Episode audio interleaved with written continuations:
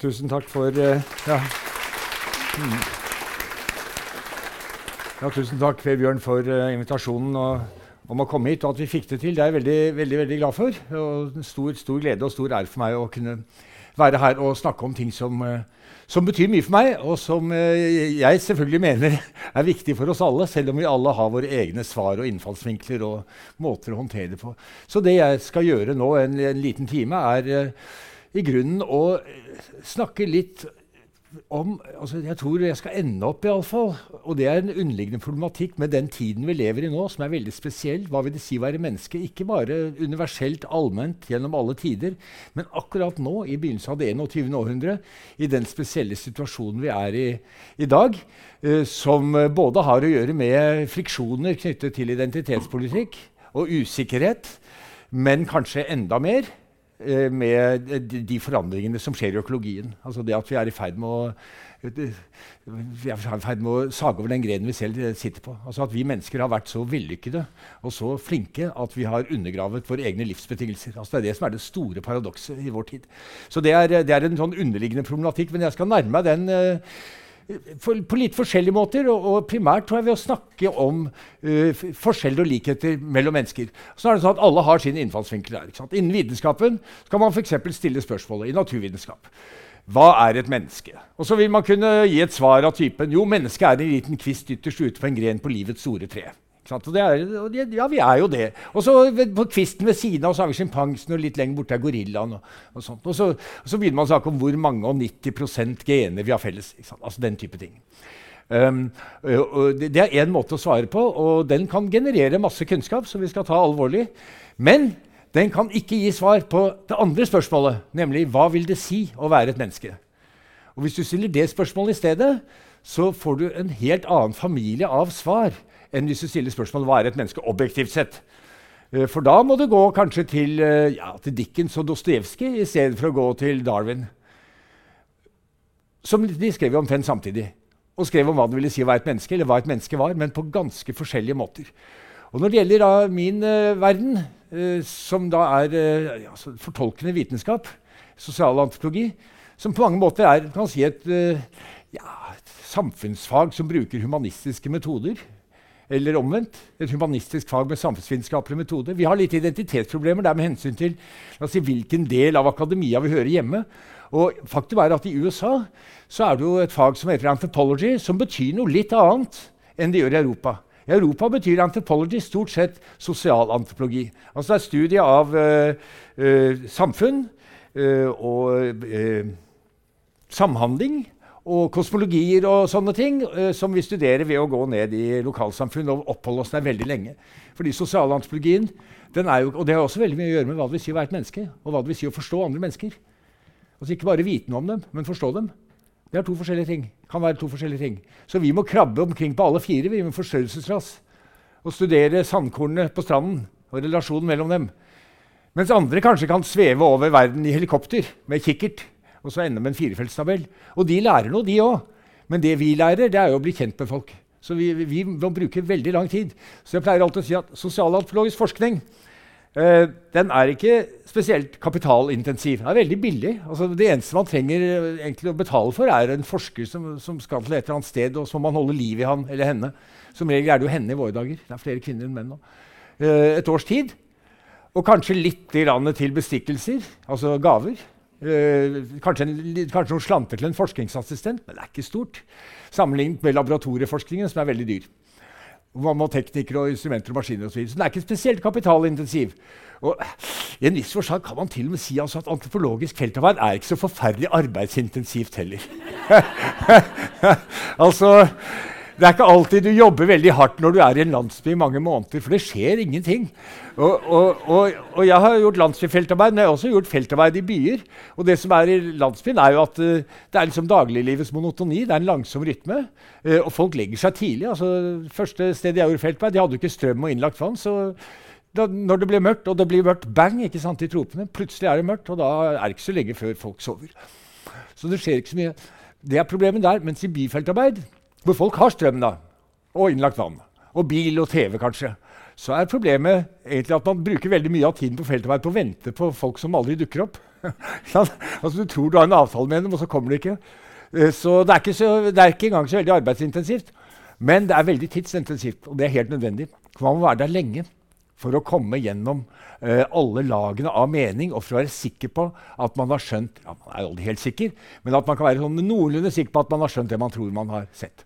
Uh, det var en, en, av de største viktigste sosialantropologene i annen halvdel av det 20. århundre, amerikanske antropologen Clifford Geertz, eh, som, som, snakket om at du, du, you don't to You don't have to be one to know one, sa han. Altså, med andre ord, du må, bli, du må ikke bli som dem for å forstå dem, men du må være der ganske lenge for å være sikker på at du har skjønt dem. Og så går du tilbake til din egen verden. Men da har du med deg noe, og har forandret deg. Så, er, så er på, på, den måten er det en, en, eksisten, en, en eksistensiell opplevelse.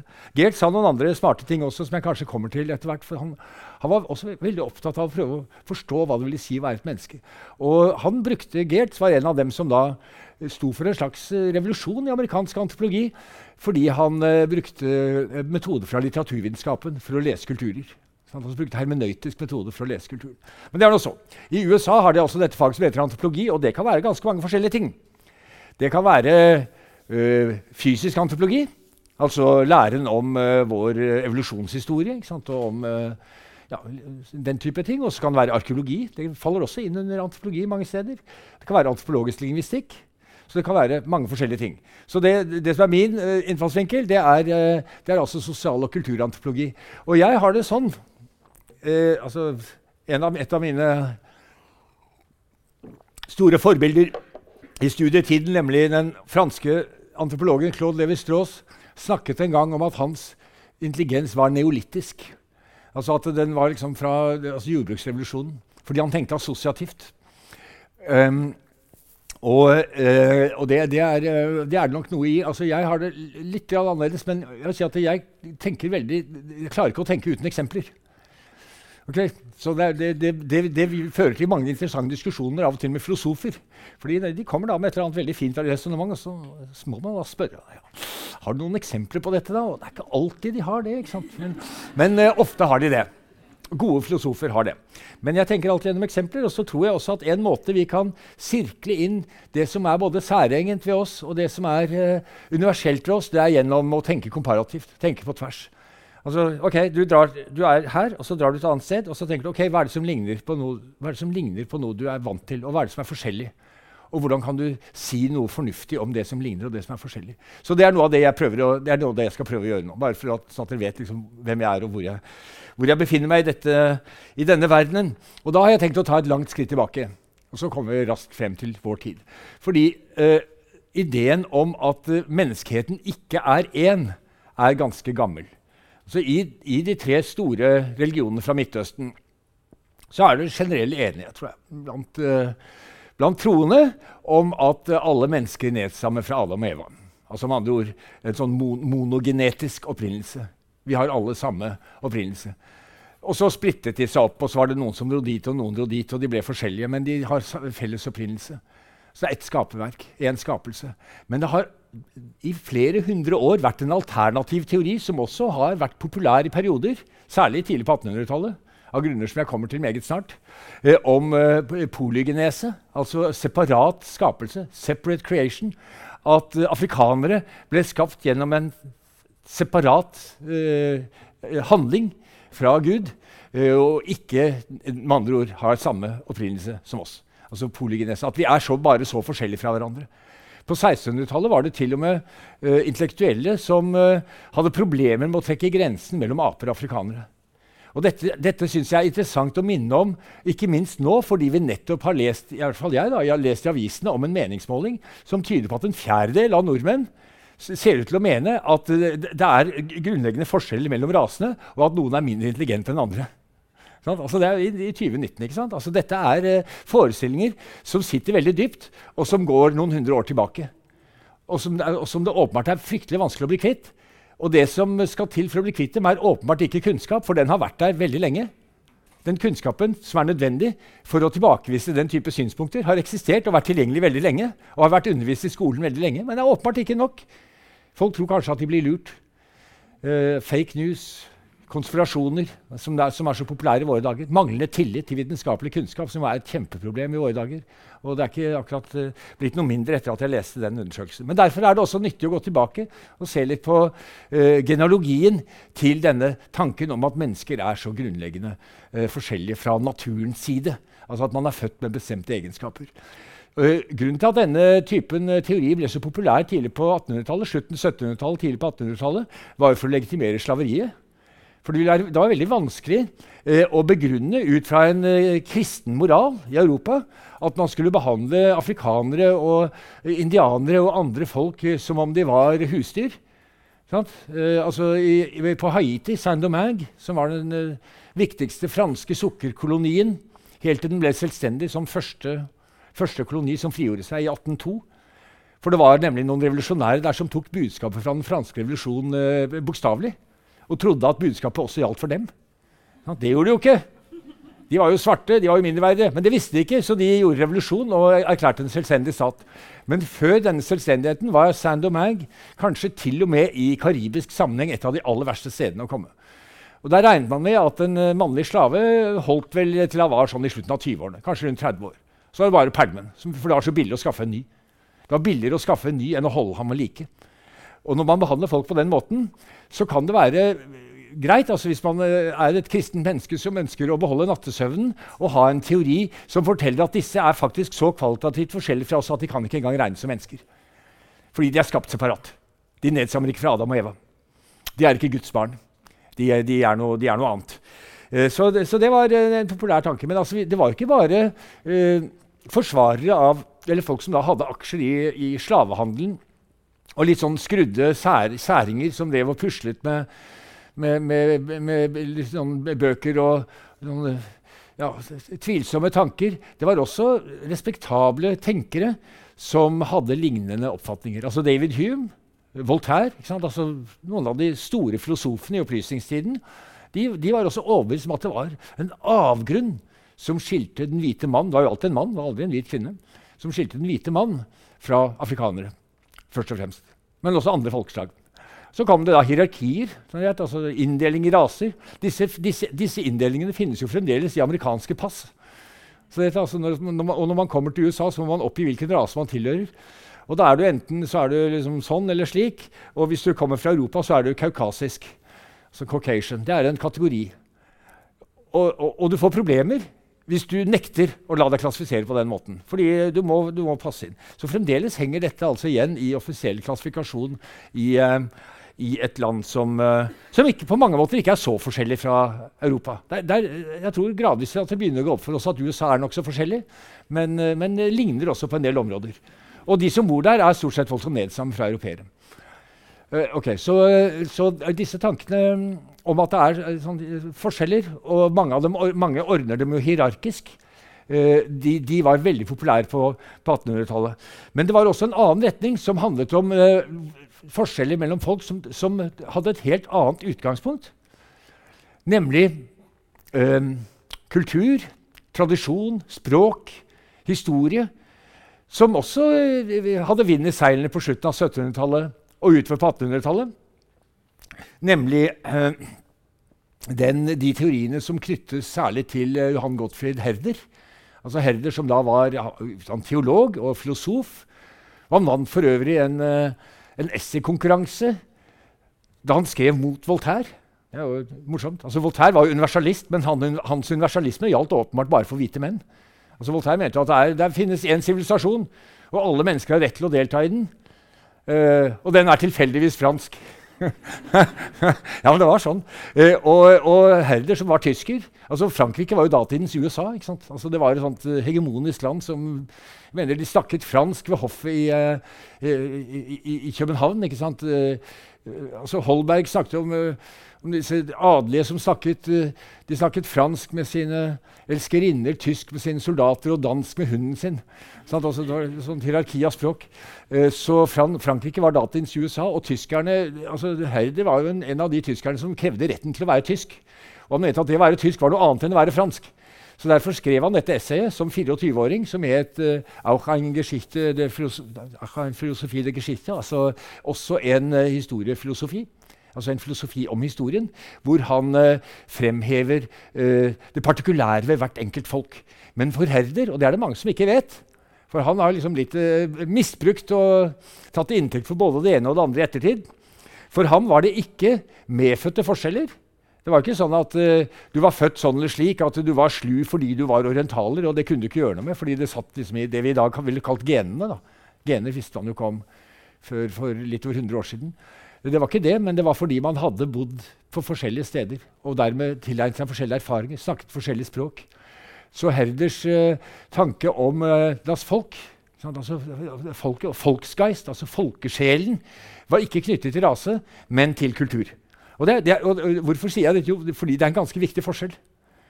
Det, det er faktisk en ganske viktig forskjell. Og Herders uh, lære om uh, folkesjelen og om uh, de ulike folkenes særegne karakter og det han kalte lykkekretser. Altså Alle folk hadde sin måte å realisere det gode liv på. Og, og, og realisere lykken på. Og det ville være forskjellig fra land til land. fra sted til sted. Den, den, ga faktisk opphav til to store uh, intellektuelle retninger som vi vanligvis ikke tenker har så forferdelig mye felles, nemlig nasjonalismen. Altså Herder var jo tidlig kulturnasjonalist, en av de aller første. Som mente at folk som er av samme slag, og som har samme kultur, de bør på en måte ha en eller annen form for uh, autonomi. De bør ha retten til å bestemme selv hvem de er. Uh, og denne folkesjelen for ham var kollektiv. Og det er jo et problem i våre dager, selvfølgelig, fordi uh, vi vil jo gjerne få lov å bestemme selv som individer. Men den gangen var det en progressiv tanke. Veldig progressivt å mene at høy og lav hadde samme kultur. ikke sant? Så kongen hadde samme kultur som bøndene som jobbet for ham. En ekstremt radikal tanke med, mot slutten av føydaltiden. Og, og, da det var fremdeles livegenskap i en del land. Som uh, nasjonalismeforskeren Ernest Gellner sa en gang uh, En serbisk prins som ville føle at han hadde mer felles med hesten sin enn med bøndene som jobbet fram. Og nå fikk han altså høre av romantikerne at nei, eh, høy og lav, vertikal solidaritet, høy og lav har samme kultur, og derfor skal de oppleve et fellesskap. Nasjonalismen eh, så vi da i him, altså slutten av 1700-tallet, begynnelsen av 1800-tallet. Og så ble den mer og mer politisk etter hvert, og mer og mer knyttet til staten etter hvert som vi kom utover på 1800-tallet og 1900-tallet. Um, men den, uh, Herders uh, tanke om uh, forskjellene mellom folkeslagene den, den um, førte også til og utviklet seg også, særlig tysk akademia i begynnelsen, til den doktrinen som nå er kjent som kulturrelativisme. Altså, og det er jo, det er jo veldig, altså, hvis jeg tenker over det, det er veldig mange likheter mellom nasjonalisme og kulturrelativismen. Kulturrelativismen er i en viss forstand en sånn småskalaversjon av nasjonalismen. Av og til uten stat, men basert på de samme prinsippene og den samme kulturforståelsen. Altså ideen om at kultur Og dette, dette tror jeg er sånn halvveis viktig. ok? For meg er det halvveis viktig.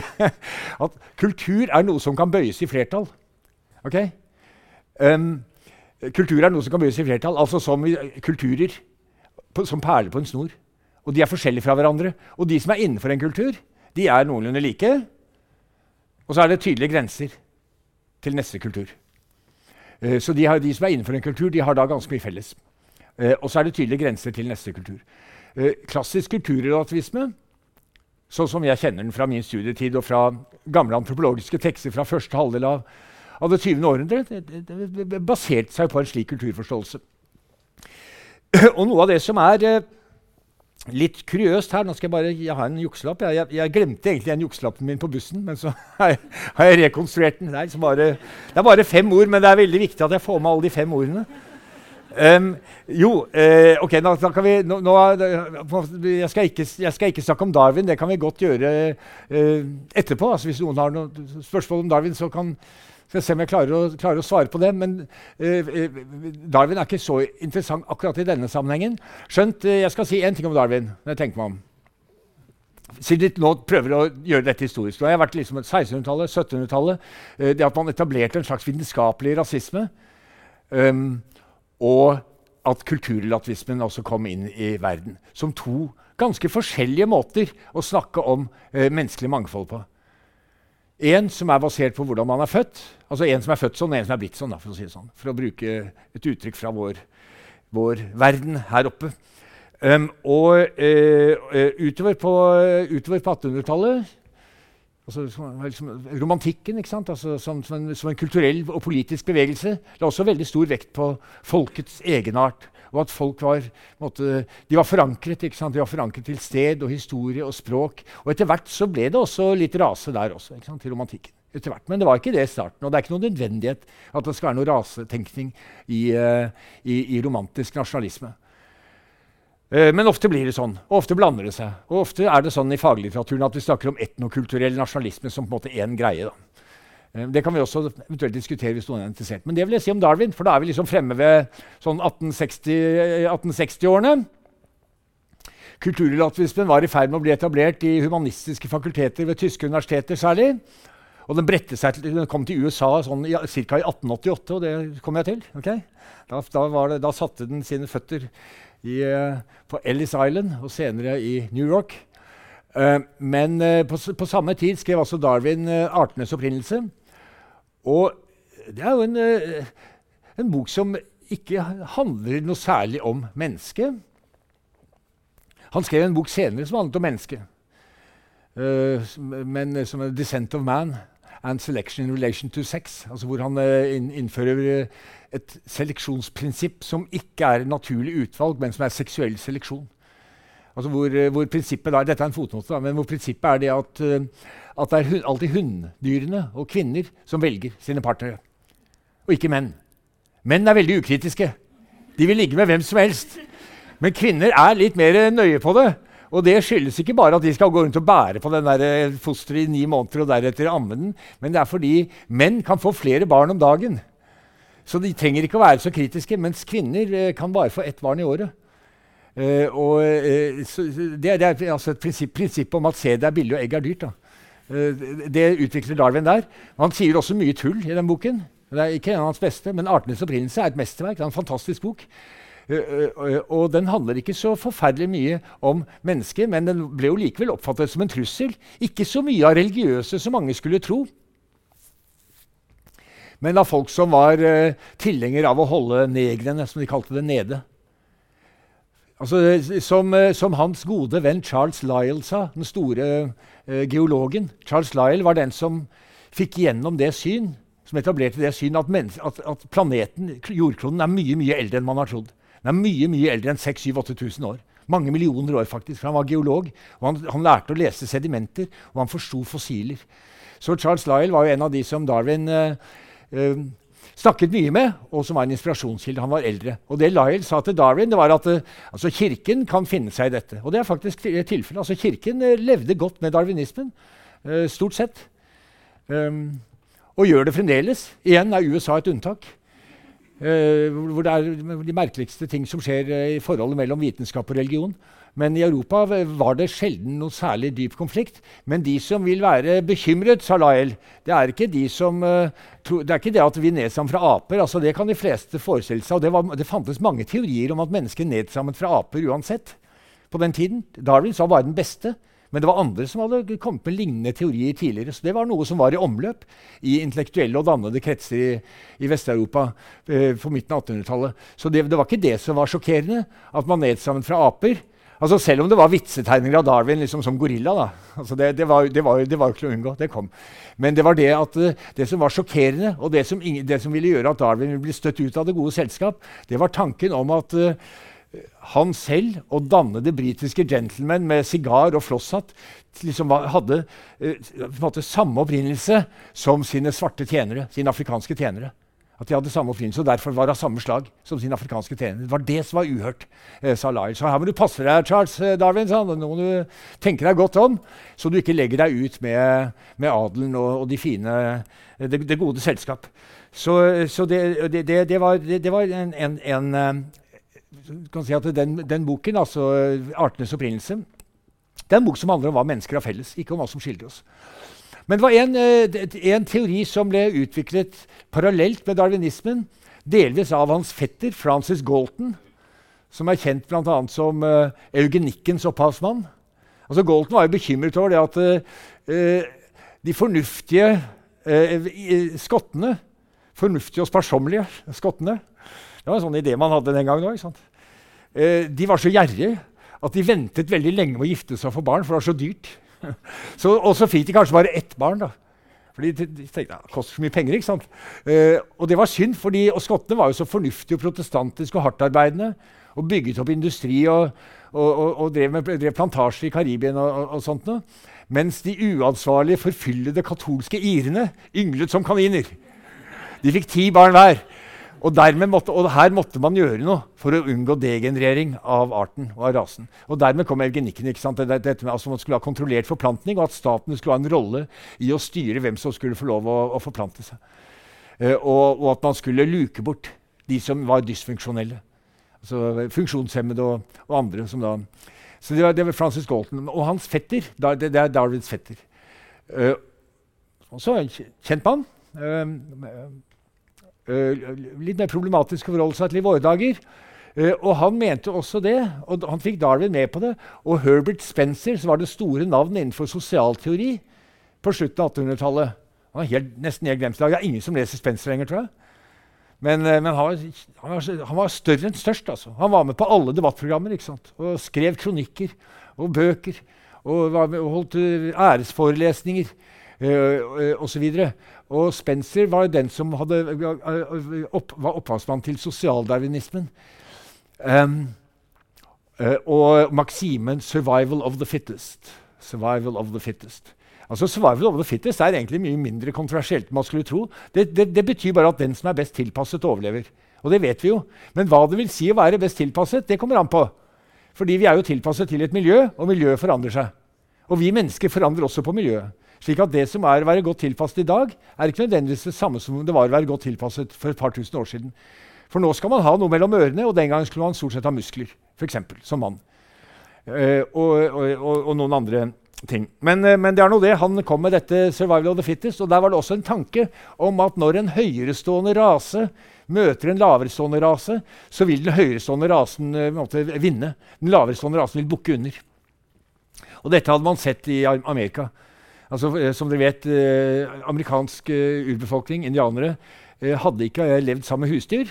De hadde ikke motstandsdyktighet. De hadde ikke, de hadde ikke et utviklet motstandsdyktighet mot sykdommer som for oss er relativt trivielle, som røde hunder og kusma. Folk, som, da jeg var barn, var det helt alminnelige barnesykdommer, for vi fikk ikke vaksiner mot det. Uh, men de døde. Og, de, og, og, nesten alle døde altså i noen uh, indianske samfunn hvor man gikk liksom fra noen millioner til noen tusen. Eh, så dette hadde man sett. Høyresående rase møter en avstående rase, så vil den høyresående rasen seire. Og Darwin skrev faktisk en gang at det synes som om dette er i ferd med å skje på New Zealand nå. For da var det maoriene, en stor polynesisk folkegruppe, som var urfolket. Og så kom de eh, europeiske settlerne, og så så det ut til at eh, maoriene var i ferd med å dø ut. Unnskyld. Men hvis Darwin hadde rett i dette, og, og Galton og Spencer, så tok de også feil. For hvis vi ser på den hvite rase, hvis vi kan bruke et slikt begrep Den hvite rases andel av verdens befolkning den var på noe sånt som 14% rundt første verdenskrig. Og nå er den på rundt 6% Så hvis de hadde rett, så tok de også feil. For da var, det, da var det helt andre folkegrupper som var de høyrestående rasene enn de han trodde det var, nemlig han selv. Selvfølgelig er dette her eh, pseudovitenskap og, og, spekulasjon, men det forteller oss også noe om en mentalitet, en måte å tenke om eh, mennesker på, hvor man skiller i stedet for å samle. Altså, vi er ikke en menneskehet, men vi er mange grupper, og vi konkurrerer med hverandre. Og vi kan uh, plassere hverandre i hierarkier med oss selv på toppen. Uh, det, det, er en veldig vanlig tanke i Europa. Og da er vi fremme ved kulturrelativismen 1888. altså da en uh, ung tysk uh, uh, intellektuell gikk i land, og han ble naturalized American, nemlig Frans Boas, som er en av antropologiens grunnleggere, kulturantropologiens grunnlegger i USA. Og den som kanskje mer enn noen andre definerte kulturrelativisme. Både som metode og kanskje som livssyn. Altså, Vi må skille mellom metode og livssyn her. Men i hans tilfelle kanskje litt som livssyn også. Altså Tanken om at alle kulturer egentlig er like mye verdt. Og Hans syn var det at det er helt uinteressant å rangere kulturer og folkeslag på en stige, med noen på topp og noen på bunn. Man kan godt gjøre det som en slags sånn fritidsgeskjeft, uh, men det er ikke vitenskapelig, og det gir oss egentlig ingen innsikt. Fordi alle folkegrupper har sin egen unike historie og sin egen unike kultur. Og må studeres innenfra på sine egne premisser. Enhver fremmed kultur må forstås på dine egne premisser. Altså, med andre ord, Du må være der lenge, og du må prøve å gjengi deres virkelighet slik den fremstår for dem selv. Hvis ikke har du ikke skjønt den.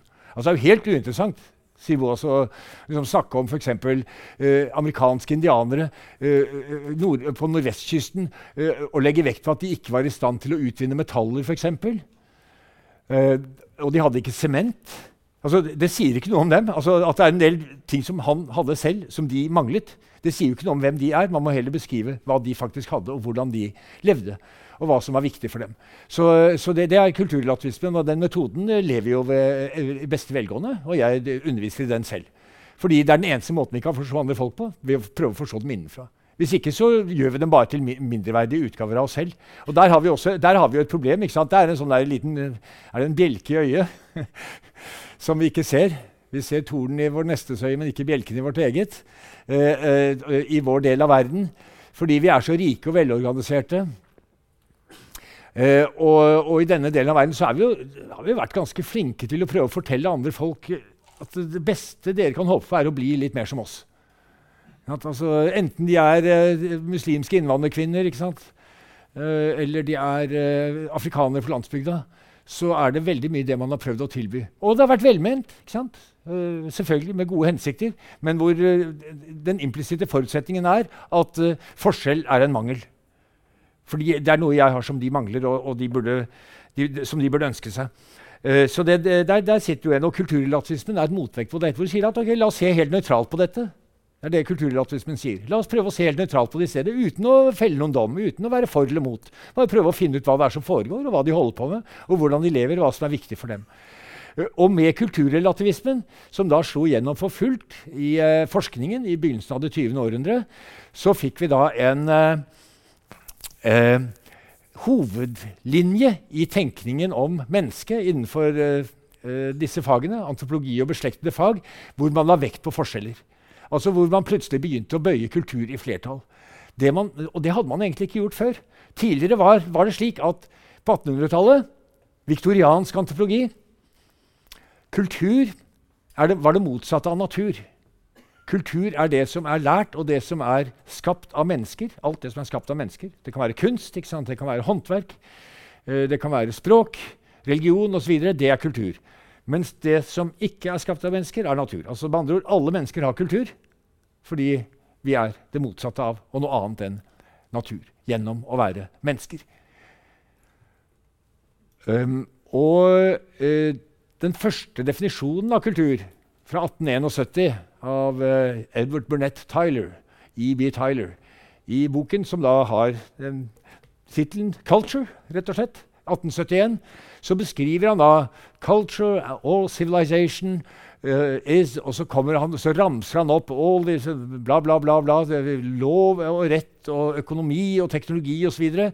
som as, that humans, uh, that man has acquired as a member of society. Det var jo man den gangen. Det var ikke humanity. As, which man has acquired as member of society. Altså Med andre ord at uh, alle mennesker har kultur. Fordi de har bla, bla, bla. De har lov og rett og økonomi og, og teknologi og sånn. Og religion og sånt. Så det at man begynte å bøye kulturer i flertall, det går tilbake til Herder. Og Boas var student av en som hadde vært student av en som hadde vært student av Herder. Så der går det en direkte linje. Da han eh, fremdeles studerte i Tyskland, eh, i, i, tysk eh, intellektuelt eh, liv, i tysk åndsliv. En kulturrelativistisk eh, strømning. Eh, og, og, dette ble da dominerende i amerikansk antropologi. Altså Frans Boas var professor i, ved Columbia University noe sånt som 40 år. Og uh, alt som skjedde i amerikansk antropologi, måtte gjennom ham. Altså, ikke, ikke, fordi han nødvendigvis var maktsyk, ikke noe mer enn andre, tror jeg, men uh, han var den sentrale personen. Satt i alle komiteer, kjente alle. Ringte til dem, skrev brev. Man hadde jo ikke mail engang, men han skrev brev.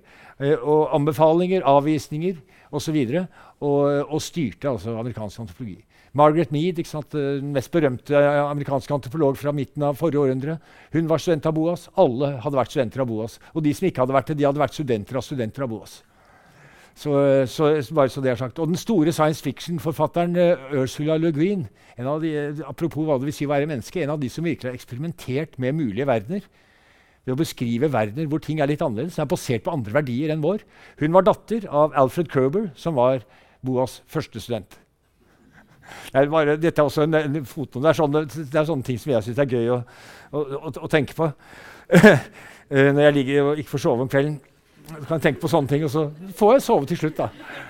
Men, eh, og Det handler veldig mye om hva det vil si å være menneske. fordi man kan si at det å, det å drive med eh, antropologisk forskning og det å skrive science fiction ligner på hverandre.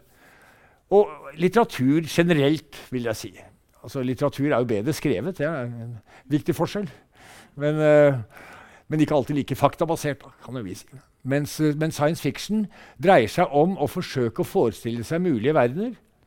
Uh, og, og, særlig den type science fiction som hun Ursula Lugin skrev, og en del andre virkelig gode science fiction-forfattere. Hvor man skaper altså samfunn som ikke finnes, og så prøver man å se er disse troverdige. Er det mulig?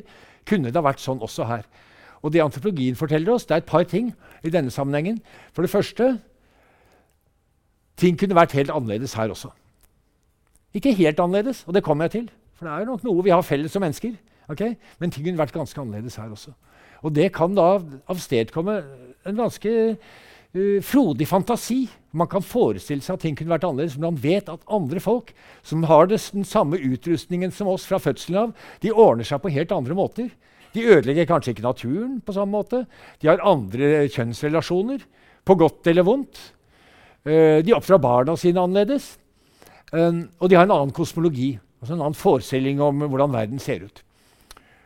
Og sånn kunne det vært også her. Fordi vi, har, vi, er, vi er, født like. Og det er jo det som er noe av uh, spørsmålet som antropologer har stilt i 100 år. Hvordan kan det ha seg at mennesker som er født med den samme utrustningen over hele verden, det samme, det samme potensialet. Hvordan kan det ha seg at vi blir så forskjellige? Og Der kommer jo den vitenskapelige rasismen helt til kort. Fordi den kulturelle variasjonen er veldig mye større enn selv den mest ivrige vitenskapelige rasist ville klare å begrunne ut fra medfødte forskjeller. Helt umulig. Så, så den, den, den, den, kan ikke tas på alvor i denne sammenhengen. Men eh, altså, hvordan kan det ha seg at vi som er født med omtrent samme utrustning, blir så forskjellige? Og jeg tilføyer da spørsmålet hvor forskjellige blir vi egentlig? er forskjellen bare på overflaten. Når du skraper litt i overflaten, så er vi nokså makne. Og, og, og, hvordan kan vi da beskrive hvordan vi er like? La la meg komme til det om en bitte liten stund. Uh, for det, jeg tror det har mye å si for hvordan vi skal gå inn i resten av, og klare oss gjennom resten av dette århundret. Av to grunner. Altså Per Bjørn nevnte identitetspolitikk, splittende identitetspolitikk. Det at man uh, har en sånn antagonistisk holdning på bakgrunn av uh, at man ser forskjellige ut, snakker andre språk, har annen religion, lever på andre måter, den type ting. Eh, og det er trangt om plassen eh, mer og mer, ikke sant? og det er kamp om ressurser. Og det kommer vi ikke til å bli noe mindre av. Vi er 7,5 milliarder og er i ferd med å bli flere. Og alle ønsker seg en iPhone og en TV og en deilig ferie. Og en Tesla. I hvert fall i denne delen av verden. Eh, så det er trangt om plassen og knapt om ressursene, og der må vi finne måter å snakke om dette på. Da tror jeg ikke det beste utgangspunktet er å begynne som inngangsverdi at vi er veldig veldig forskjellige. Men spørsmålet er likevel det. Uh, hvordan kan det ha seg? Og det andre er at det, både litteraturen god litteratur og antropologi kan fortelle oss, det er at uh, vi er født med muligheten til å leve tusenvis av forskjellige liv, og så ender vi opp med bare å ha levd ett. Altså, vi, det, det, er, det, er, helt endeløst. Altså, vi kunne vært nomader på den persiske steppen. Så jeg tror for min del uh, at jeg ble antropolog, eller jeg begynte liksom å nærme meg denne måten å tenke på som barn. Det, og det er sikkert mange som har tenkt det samme som meg som barn. At uh, hvis jeg hadde vært født i Saudi-Arabia, så ville jeg vokst opp som muslim. Ja, vært kledd meg helt annerledes og trodd på helt andre ting og hatt en helt annen virkelighet. Samme person. Samme gener. Samme medfødt utrustning. Men i et annet miljø så ville man da ha uh, blitt på mange måter en annen person. Men hvor annerledes? Hvor forskjellige er vi? Ok, og nå må jeg si en ting jeg passer litt på Ja, det, går bra, dette her. Ja, det, ja. Jeg er alltid så bekymret over tiden som ikke strekker til. Men, eh, men eh, i mellomkrigstiden, eh, da kulturrelativismen var siste skrik, og den var åpenbart en nøkkel til å åpne noen dører som gjorde oss i stand til å forstå F.eks. folk i høylandet på Ny-Guinea eller afrikanere i landsbyer på en annen måte enn som en litt mindreverdig og mindre utviklet versjon av oss selv. Så det var veldig spennende intellektuelt. Eh, og, og, jeg vil bare nevne at Margaret Mead, eh, som da var en viktig fortaler for denne kulturlatvismen i offentligheten Hun var høyt og lavt, veldig energisk.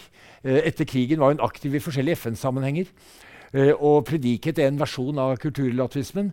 at hun hadde også ganske stor innflytelse på beatnik-generasjonen, altså Ginsberg, Kerak, altså den gjengen der, og senere på hippiebevegelsen. Fordi det hun sa, var at ting kunne vært helt annerledes.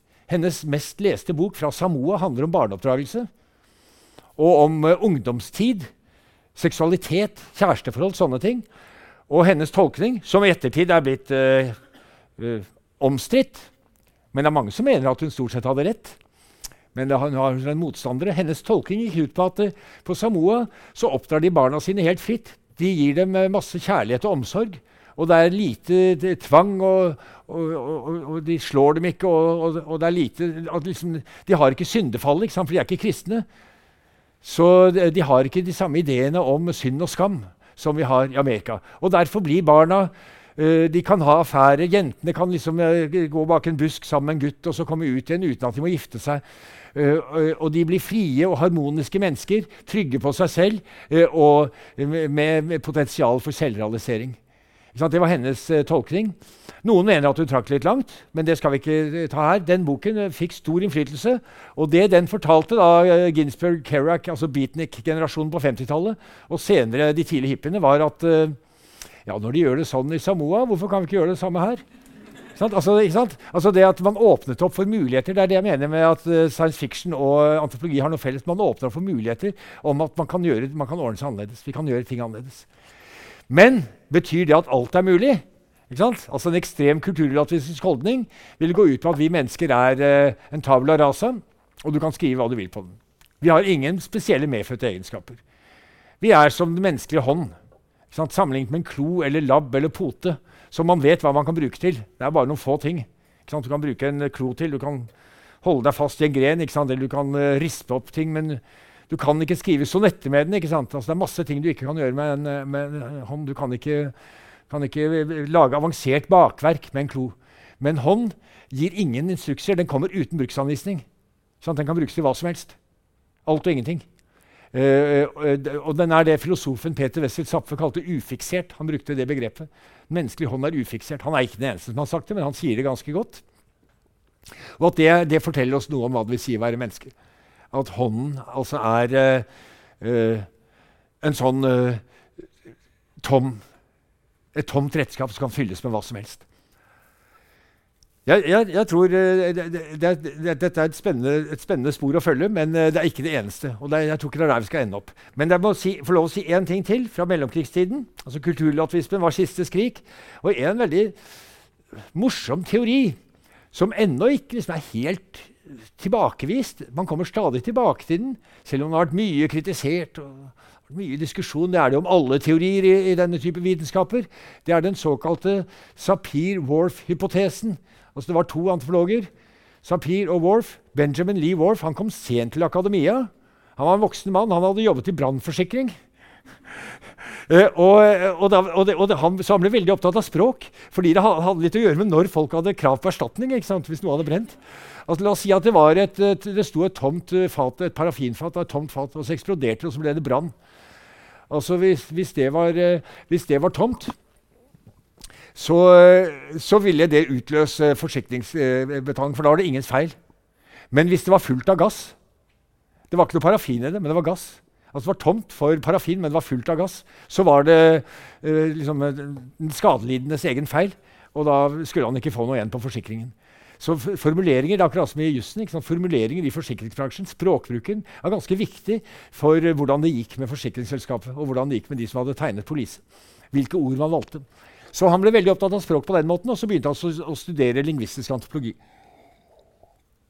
Og de utviklet da en felles hypotese som de fremla i noen artikler og foredrag. og litt rundt omkring. Skrev egentlig aldri noen fullstendig bok som, uh, som er blitt stående men eh, hadde stor innflytelse. Og Den går da ut på at språket former virkeligheten. For å si det veldig enkelt. Språket former virkeligheten. Så hva du ser, hva du opplever, hvordan du sanser verden, er avhengig av hva slags språk du snakker. Ikke bare hvilket, men hva slags. For de snakker om standard vesteuropeisk språk, og da mener de nok stort sett engelsk. Men de ligner jo litt hverandre. Som er et språk fullt av substantiver.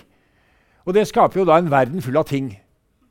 Det er åpenbart det. Altså, jo flere substantiver du har, desto flere ting får du. Mens hopispråket altså de, de, de, de, har ikke så mange eksempler, men hopi-språket bruker de veldig ofte. Hopi-indianerne i den sørvestlige delen av USA de har et språk med, med veldig få substantiver, men veldig mange verb. Okay? Så de får en verden av bevegelse og prosess, og ikke en verden av ting. Ja, eh, ok, Er det noe i dette, eller er det ikke noe i det? Eh, vel, eh, var det ikke Kant som mente, eller kanskje var en, en av Kants tilhengere, husker ikke, at visse tanker bare kan tenkes på tysk? eh, og visse ting kan bare sies på kreolsk. Altså, det er liksom et av de få liksom, sære språkene jeg kan. da, som, eh, Kreolsk fra Det indiske hav. Hvor de har ord og uttrykk som springer ut av deres erfaring, som er helt uforståelig hvis du ikke vet noe om den erfaringsverdenen de lever i. Om, uh, altså, de, har en gåte, altså, den, kan, den skjønner dere med en gang. Det er et dårlig eksempel, men jeg tar den likevel. Altså, forstår liksom hvor jeg er på veien. Altså. Hva slags verden levde de i plantasjetiden? Jo, de levde i en verden av sukkerrør og små hytter på stranden og fisk og kokospalmer. Hadde ikke så mye mer. Og så, og så, satt de da om kvelden når de var ferdige med å jobbe, og så fortalte de hverandre gåter. og Det er noe av det de var gode til. Og da hadde de en, en gåte som går sånn Dilopana. pendant. Dilo pendant. Det betyr altså hengende vann. Dilopana. Og så, og så, skal, skal, så sitter gammelen og sier det. På Og så skal en av de unge liksom, da, skal alle komme med forslag. Og svaret er selvfølgelig koko, altså kokosnøtt. Hengende vann, kokosnøtt. Men hvis du kommer, hvis du kommer fra Grønland, så, så, tar du ikke den der med en gang. Uh, hvis du har bodd på Grønland hele ditt liv.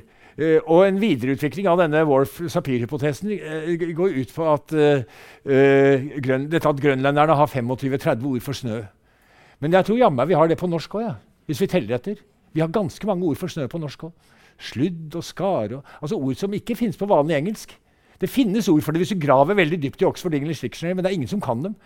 Uh, så det, og det er måte, veldig enkelt. Men sett at uh, forskjellene går enda mye dypere enn bare når det gjelder slike ting som vokabular, metaforer og forholdet mellom verb og substantiver.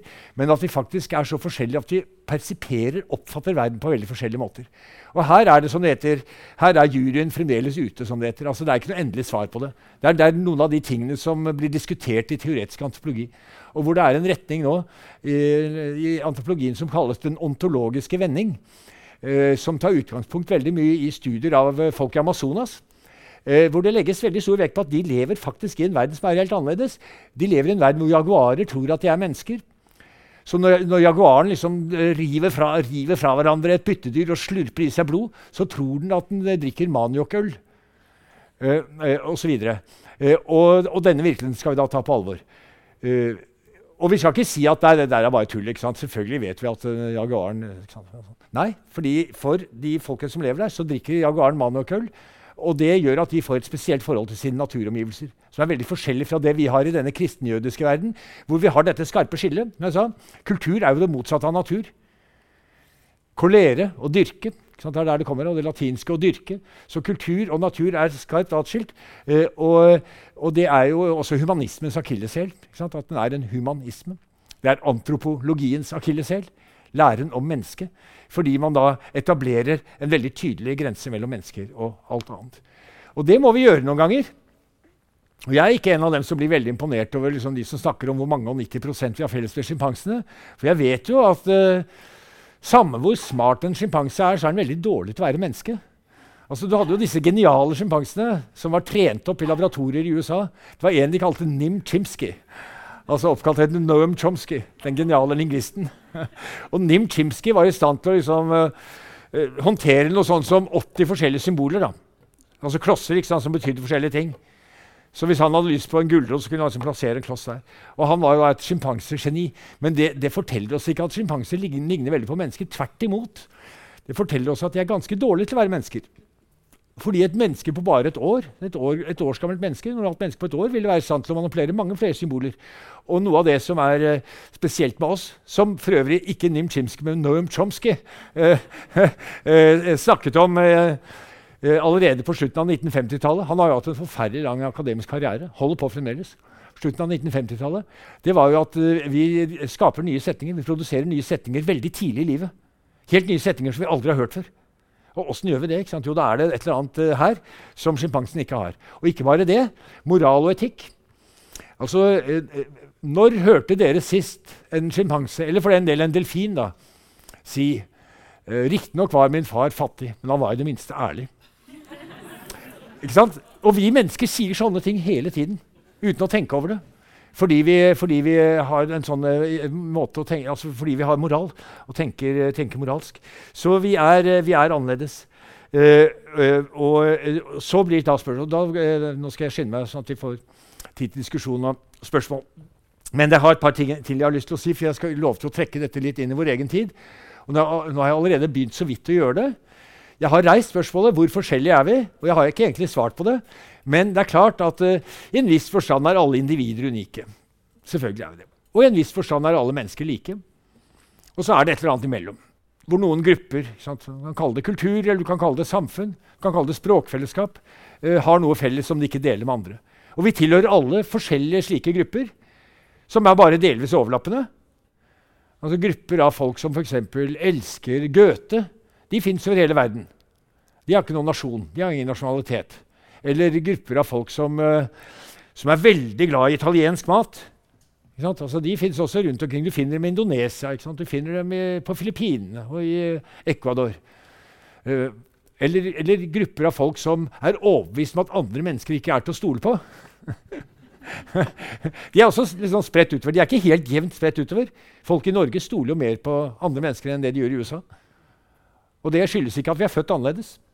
Det er, det, er, fordi vi lever i en annen uh, Det er litt andre vilkår for tilværelsen i dette landet her enn det det er f.eks. i USA. Men med andre ord, vi tilhører mange forskjellige sånne grupper, og så har vi de nasjonale og etniske gruppene i tillegg. Og religiøse og språkgrupper.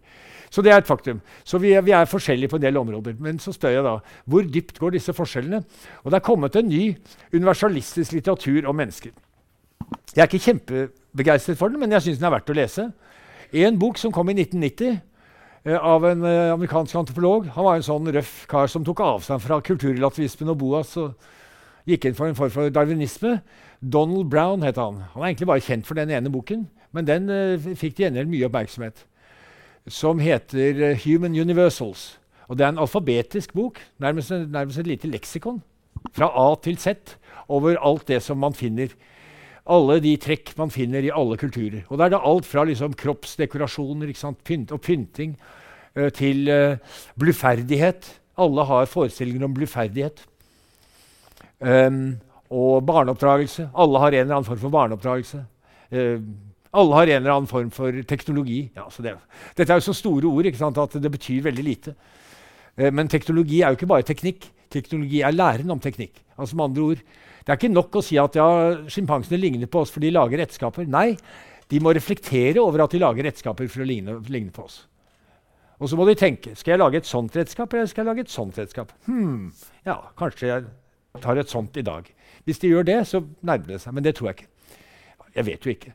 Men, uh, men, det er i hvert fall én type litteratur som er kommet. Mye av den basert på en form for uh, sånn, litt sånn robust uh, nydarwinisme, evolusjonspsykologi osv., som legger vekt på hva mennesker har felles. Jeg er ikke så veldig imponert over den. Og det skyldes bl.a. at den opererer med så grove kategorier at du kan egentlig få, alt, du kan få veldig mye til å passe inn. Forteller oss ikke noe, forteller oss ikke noe substansielt. Og den springer ut av denne litteraturen som vi husker, noen av oss husker fra slutten av 60-tallet, tidlig på 70-tallet. Og så var det en veldig populær forfatter. Så Jeg husker fra min barndom vi hadde bøkene han stående i hylla hjemme, uh, som het Desmond Morris. Og han skrev en bok som uh, vakte stor oppsikt på slutten av 60-tallet, som het The Naked Ape, Den nakne ape. Og det er jo oss, da. Og vi er jo det, selvfølgelig. Vi er det også. Men vi er ikke bare det. Altså, Aper har ikke bygget atomkraftverk, og de har ikke skapt antropocen.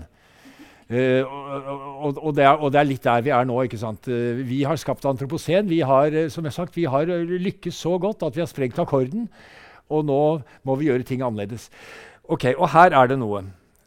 Altså, jeg, jeg, skal gjøre en lang historie kort. Jeg tror at Noe av det som kjennetegner oss mennesker, det er at vi har moral. Vi har refleksivitet, altså den forstand at vi reflekterer. Vi tenker over hvem vi er. Vi vet ikke helt hvem vi er når vi ser oss i speilet, og vi tenker over det. og, og vi har, vi har uh, en bevissthet om at vi skal dø. Og det får ikke en, uh, en, maskin. Dere husker mange av dere som har sett uh, 2001 En romodyssé, altså den filmen til Stanley Kubrick, hvor Hal, denne supercomputeren, da, som, som blir stormannsgal. Som begynner å lage ugagn, begynner å lage forferdelige rampestreker og setter andres liv i fare. Og de er helt avhengig av Hal, for det er han som vet alt. ikke sant?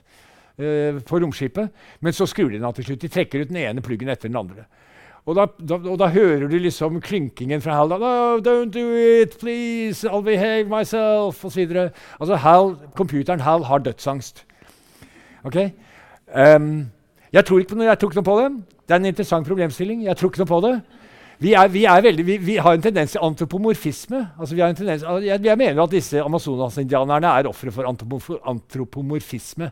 Altså at de leser dyr i sitt eget bilde når de virkelig på ramme alvor tror at jaguarer mener at de drikker øl når de drikker blod. Altså det, det, det, det mener jeg, da. Uh, og jeg er et offer for det selv. Jeg er ikke noe bedre enn dem. Altså jeg har en robotgressklipper hjemme som jeg fikk for et par år siden. For jeg har vært så mye syk, så jeg var liksom for svak til å skyve den gamle gressklipperen rundt. Så fikk jeg en sånn liten, og Den beveger seg da random, altså den beveger seg tilfeldig rundt på plenen. Akkurat som et dyr. ikke sant? Den går ikke symmetrisk. Altså, hvis den hadde gått rett og vært helt firkantet, så hadde det vært greit. Men den, den er litt rund i formen, så den ser liksom ut som, et, en liten panda eller en stor bille. eller noe sånt. Og så går den rundt på plenen sånn. Uh, og da er det sånn at kona og jeg vi snakker om ja, hvordan er det med Robbie. og sånn. Ja, nå ser jeg ham. og sånn, da, nå holder han på. Ja, det er godt å høre. uh, og, uh, så, og, vi vet jo at han Han, sier jeg, ikke sant? Dere legger merke til det? jeg omtalte aldri min gamle gressklipper som en han. Så, så vi, vi, men vi gjennomskuer det. Vi vet at vi, vi er faktisk forskjellige, og vi har derfor et ansvar. Eh, så hva er det vi mennesker eh, har felles? Det er en masse ting. Og vi er selvfølgelig homo duplex. Altså i den forstand at vi eh, det, men For noen år siden så skrev jeg en bok sammen med Dag Hesten om egoisme. og hvor Spørsmålet som stilles, er jo er mennesket fra naturens side egoistisk. Hva kan, og hva kan antropologi og biologi fortelle oss om det? Så Det antropologi og biologi kan fortelle oss om det, er at faktisk at spørsmålet er feil stilt. ja, men det er det. Fordi uh, Ja da, vi er det, men vi er så mye annet også. Og veldig mange av de handlingene som ser egoistiske ut, er i virkeligheten noe annet når du ser etter. Fordi de er et ønske om å etablere relasjoner, om å få oppmerksomhet. Uh, uh, altså At andre skal anerkjenne deg. altså Ekstremt sosiale handlinger tilsynelatende egoistiske handlinger kan være ekstremt sosiale. Det er nå det ene. Og det andre er at uh, ja, vi driver og konkurrerer og holder på, men vi, også, vi samarbeider også. Og, og, kuriøst nok, i uh, evolusjonsteoriens barndom, siden vi var litt der for en halvtimes tid siden, så mente jo Darwin at mennesker stort sett er egoister med spisse albuer. Er the survival of the fittest gjennom konkurranse. Og han kom jo fra en sånn familie. ikke sant? De tilhørte jo den liberalistiske Whig-fløyen i britisk politikk. Så han hadde fått deg inn med morsmelken. Marx gjennomskuet dette med en gang. Altså Karl Marx leste Artes opprinnelse, og så sendte han en lapp til Engels. Engels var jo da i Manchester og drev fabrikken sin. Marx satt i London på British Museum, sendte han en lapp. Sånn. Det er jo fantastisk, denne boken til Darwin, for den gir oss akkurat det materielle grunnlaget vi trenger for uh, vår historiske materialisme. Men det er jo rørende å se hvordan, Marx, nei, hvordan Darwin gjenfinner klassestrukturen i sitt eget britiske samfunn i naturen. Altså, Marx var en ganske god leser noen ganger. Han så dette, vet du, at uh, Darwin brukte ord som konkurranse osv. når han snakket om uh, antiloper og geparder, som om det var uh, industribedrifter i Manchester.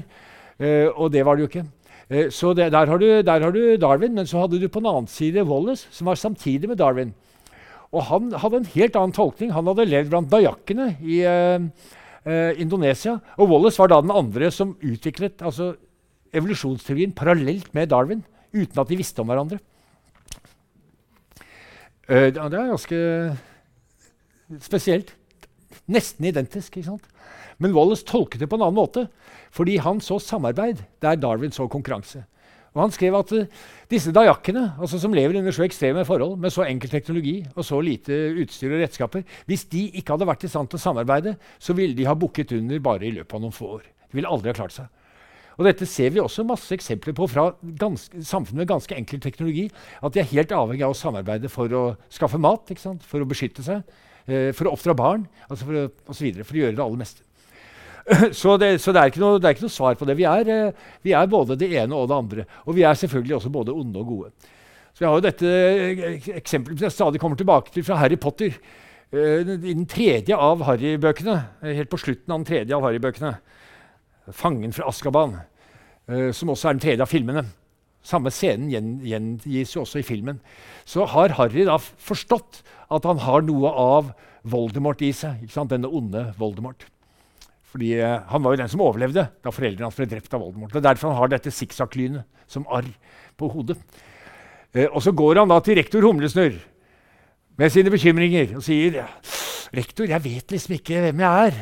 Altså, jeg vet ikke om jeg representerer det gode eller det onde. Kan ikke du hjelpe meg? Og Så ser Humlesnurr på ham og så sier han, Harry, du velger dette selv. Det er opp til deg. ikke sant? Og det, det ville aldri en sjimpanse ha sagt. Og, det er der vi mennesker er hele tiden. Vi, vi er der, vet du, vi balanserer. Uh, det er en gammel indiansk fortelling også, som, er, som, forteller akkurat det samme. jeg tror det er Sioux-indianerne. Men den fins sikkert i andre versjoner også. Eh, hvor, eh, hvor, hvor, hvor, det er nærmest en allegori over hva mennesket er. Jo, mennesket har i seg ikke sant? Eh, La oss si en ulv og et lam. da. Eller, de hadde jo ikke lam, men altså, skjønner hva jeg mener. Noe godt og, En ulv og et lam. Og hvilken av de som seirer, kommer an på hvilken du velger å gi mat.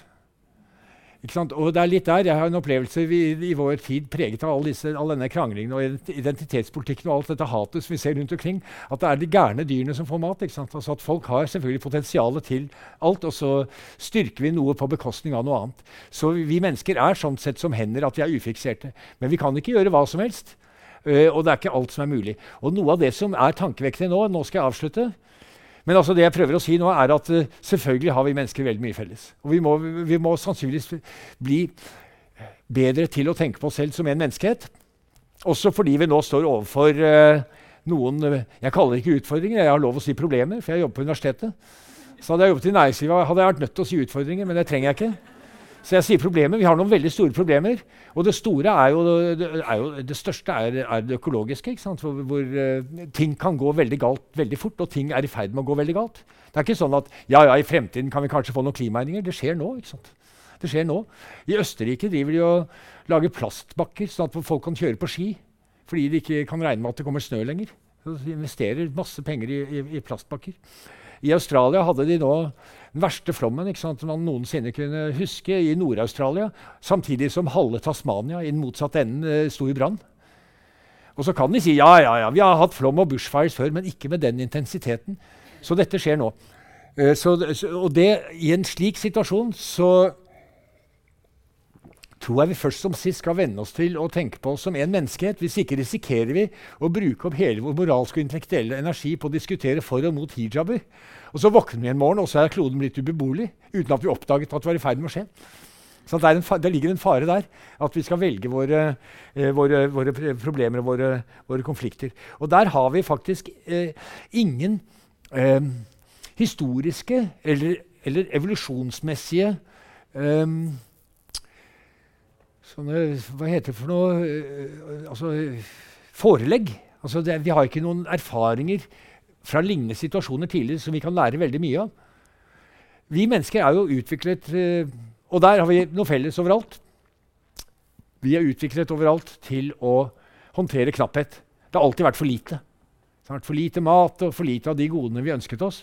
Så det har vært om å gjøre å skaffe seg mer. Enten i samarbeid med andre eller på bekostning av andre. Litt avhengig av hvor man er og, og litt hvordan man er som person og situasjon osv. Og, og nå er vi i en situasjon hvor det er altfor mye. Ja, uh, man kan diskutere om det er for mange av oss. Jeg, jeg er nok tilbøyelig til å mene at det kanskje er litt for mange av oss. Okay? Det, er, det, er, en litt problematisk ting å si, men jeg, jeg, har en følelse av det. Når alle ønsker en iPhone uh, og en deilig ferie og en flott flatskjerm fra Kina og en Tesla eller noe lignende, så er vi for mange. Uh, fordi det er, ikke, det er, ikke, bærekraftig, som det heter. Altså da, jeg mener I Det gamle testamentet så, om, så står det at man skal gå ut og, og, og gjøre seg mangfoldig, befolke verden, fylle verden. Jeg husker ikke helt formuleringen. Det er det noen som gjør. Hva? Ja, formuleringen handler iallfall om at det, gå ut og Ja, så like, like mangfoldig som sanden på stranden. Og jeg tror, for å være helt ærlig, at hvis Gud hadde hatt muligheten til å gå tilbake og, og lage en uh, revidert utgave, så ville han formulert seg litt annerledes nå. For er, Problemet er ikke nå at det er for få. Det var det den gangen. Det var noen få millioner over hele verden. Uh, men, uh, men det, det, er ikke det som er problemet nå. Så, så det er, det er, vi, har vært, vi, har rett og slett sprengt akkorden. Vi har vært for vellykkede. Og vi har egentlig ingen nedarvede redskaper for å håndtere overflod. For å senke tempoet. For å gjøre mindre i stedet for mer. Og for å fortelle oss selv at nå er det nok. Nå kan vi kjøle ned, nå kan vi skalere ned, roe ned, gjøre ting langsommere, gjøre mindre. Eh, det er ingenting som forteller oss det. Og heller selvfølgelig ingenting i, ingenting i vårt samfunn. Så det er én eh, type eh, mangel, og det ser vi også komparativt. Vi ser egentlig ingen eksempler på det. Vi ser samfunn som er bærekraftige. Men de har jo da, Og de har mange kvaliteter og mye bra for seg, men de har kort levealder. Eh, og de har få av de mulighetene til selvrealisering som vi nyter godt av her. Så vi kan nok lære noe av tradisjonelle samfunn, som driver med sjamanisme. For, eksempel. for å ta et eh, aktuelt eksempel. Det tror jeg. En nærhet til naturen. For sjamanisme handler veldig mye om en nærhet til naturen. om å etablere det, Som man finner i uh, såkalte naturreligioner. Vi kan lære mye av det og prøve å bryte ned den grensen mellom oss selv og det som omgir oss, og som vi er avhengig av for å leve, med luft og jord og, og vann og osv. Men vi kan ikke bli, vi kan, vi, det er ikke noen vei tilbake dit. Altså. Det, er ikke, det, er ikke, det, er ikke, det, er ikke, aktuelt. Så vi har ikke noen Unnskyld. Vi har ikke noen, uh, noen sånne uh, Vi har ikke gjort oss lignende erfaringer før. Vi har aldri vært i antropocen før. Det er første gang. Det er, åpen, det uutforsket territorium. Um, det er det ene. Og det andre er, og det lurer jeg litt på, men det kaster jeg ut nå, kanskje noen mener om det Hvor langt frem i tid klarer vi mennesker å planlegge? Altså, hvor langt frem i tid La oss si Kan jeg handle på bakgrunn av noe som trolig vil skje når mine barnebarn er gamle? Altså, hvis vi nå tenker på uh, de irreversible klimaendringene fordi Klimaforskere snakker ofte om som har sånn benchmark, Innen slutten av dette århundret, sier de, innen, slutten, innen 2100, da vil det være sånn og slik. Er, er ikke det veldig lenge til? Altså, Klarer vi å forestille oss, klarer vi å handle på bakgrunn av det? Det sies jo ofte at politikerne er så korttenkte for de skal gjenvelges om fire år. og Derfor blir det ikke noe greie på noe klimapolitikk. Det blir bare symbolpolitikk fordi de skal vinne neste valg. Men uh, jeg lurer på om ikke vi mennesker også er sånn. Man klarer kanskje å tenke på at mine barn skal ha det bra. Kanskje 20-30-40 år. Uh, men 100 år? Jeg vet ikke. Så der er det også uh, en følelse av at vi må gjøre liksom baron von Münchhausen, altså løfte oss selv opp etter søvlene. Altså, altså jeg, jeg, mener ikke å ende på en sånn pessimistisk måte. Jeg tror dette kan, kan, gå riktig bra. Men vi skal bare være klar over at problemene er større enn uh, en vi har hatt altså de, de, er, de, er, de, er, større enn vi kanskje ofte forestiller oss. Så vi er i ferd med å synke ned i, i, i kvikksanden, som baron von Münchhausen var. Og så klarte han også å ta tak i støvelskaftene sine og løfte seg selv opp. Eh, og, og, det er, og, det er, nok litt der vi er nå også. Men da vil jeg også si helt til slutt før vi lar ordet være fritt, at vi mennesker er faktisk i stand til å gjøre sånne ting. Fordi naturen, den, den, naturen som ikke er refleksiv, som ikke har moral, og som ikke tenker selvkritisk, så, så, er, så skjer bare ting. ting. Altså ting bare skjer. For å si det litt brutalt. Uh, trær for eksempel, er et eksempel fra den andre boken jeg skrev sammen med Dag Hesten, som handler om konkurranse, som heter 'På stedet løp'. Hvor, hvor vi går, løper og løper på tredemølle. Han kommer ikke av flekken fordi de andre løper like fort. Så vi kommer ikke foran. Hvorfor må trærne i Nordmarka være 30 meter høye? Hvorfor kunne de ikke nøyd seg med å være liksom, 5 meter høye sant, i stedet? Svaret er veldig enkelt. Det er fordi treet ved siden av er 29 meter. Så du må være litt høyere for å få nok sollys til å produsere nok kongler til å forplante og reprodusere deg. Så det er, det sånn evolusjon som selekterer til fordel for de høyeste trærne. Og så vil man da kunne spørre seg ja, hvorfor kan ikke disse trærne komme sammen da? og bli enige om at dette er bare tull. Vi kaster bort energi på den måten. kaster bort kreftene. Uh, vi, fra neste år skal ingen trær være høyere enn 4-5 meter. Sånn litt større enn et vanlig juletre. Det er passe. Og så kan vi bruke resten av energien på hyggelige ting. Svaret er jo det at trær er ikke i stand til å gjøre det, men vi mennesker er det. Vi kunne komme sammen. Og det er forskjellen på oss og trærne. Og det er der vi er nå. Vi er nødt til å komme sammen og bestemme oss for at fra neste år så skal vi bare bli en 4-5 meter høye. Ok, Da takker jeg for oppmerksomheten så langt.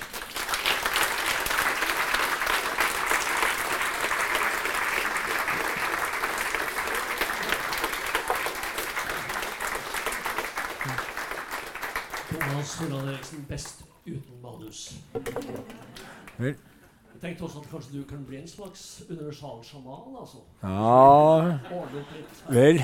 Nei, men Da skal vi ha spørsmål og kommentarer og innsigelser og hva det måtte være fra mm.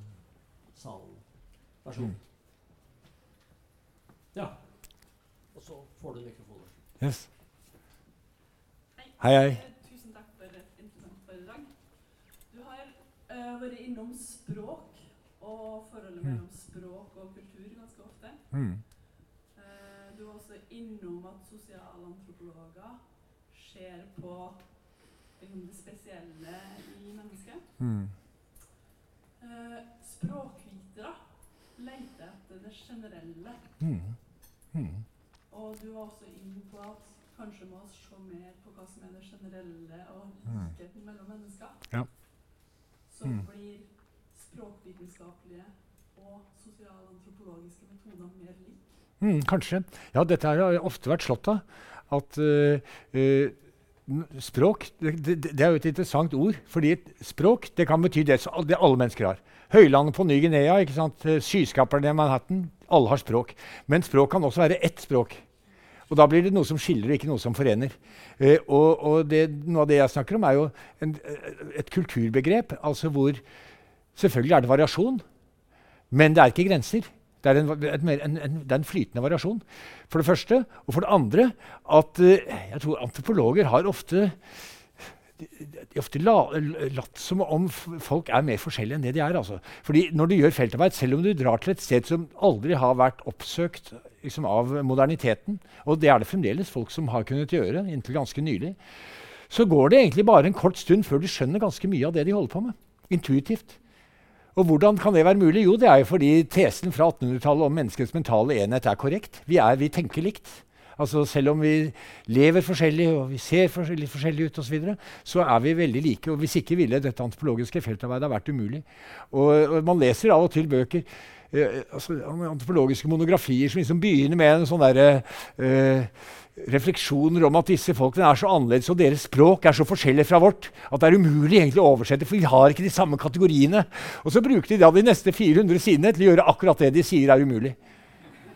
Og det går helt fint, og det er troverdig og det er overbevisende. Som andre ord, eh, Vi er ikke så forskjellige når det kommer til krita. Men vi er, vi er likevel forskjellige på den måten at vi, eh, vi, har noe å lære av hverandre. Fordi vi har ulike erfaringer og lever i litt forskjellige virkeligheter. Og så sa du at uh, kultur bøyes i flertall.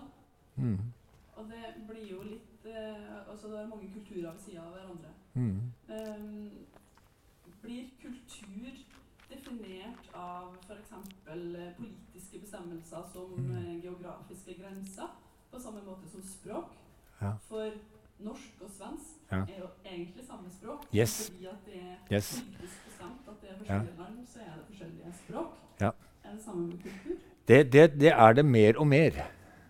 Uh, og det er, jo, det er, jo, en av nasjonalismens si, mindre attraktive sider at den skaper disse grensene som, som egentlig ikke er der. Eller som, ikke sant, Den skaper et identitetsfellesskap uh, hvor, hvor, folk får en forestilling, en veldig sterk forestilling om at de har felles kultur, og at de er forskjellige fra naboen. Men hvis man ser godt etter, så er de forskjellene konstruksjoner. Altså det blir jo sagt det om nasjonalspråk at et språk er en dialekt som er understøttet av en hær og, uh, og en marine supported by an army and a navy. Og det er noe der med kultur og, eh, og, nasjonalistisk identitetspolitikk også. Så hvis vi kunne prøve å løsrive den kulturelle identiteten fra den politiske identiteten, så ville mye være gjort. Altså at Du er statsborger sted, du er lojal overfor lovverket, du stopper på rødt lys, du oppfører deg ordentlig, og du deltar i det sivile samfunnet. Og du lærer deg språket. Og, og, for øvrig kan du gjøre som du vil. altså.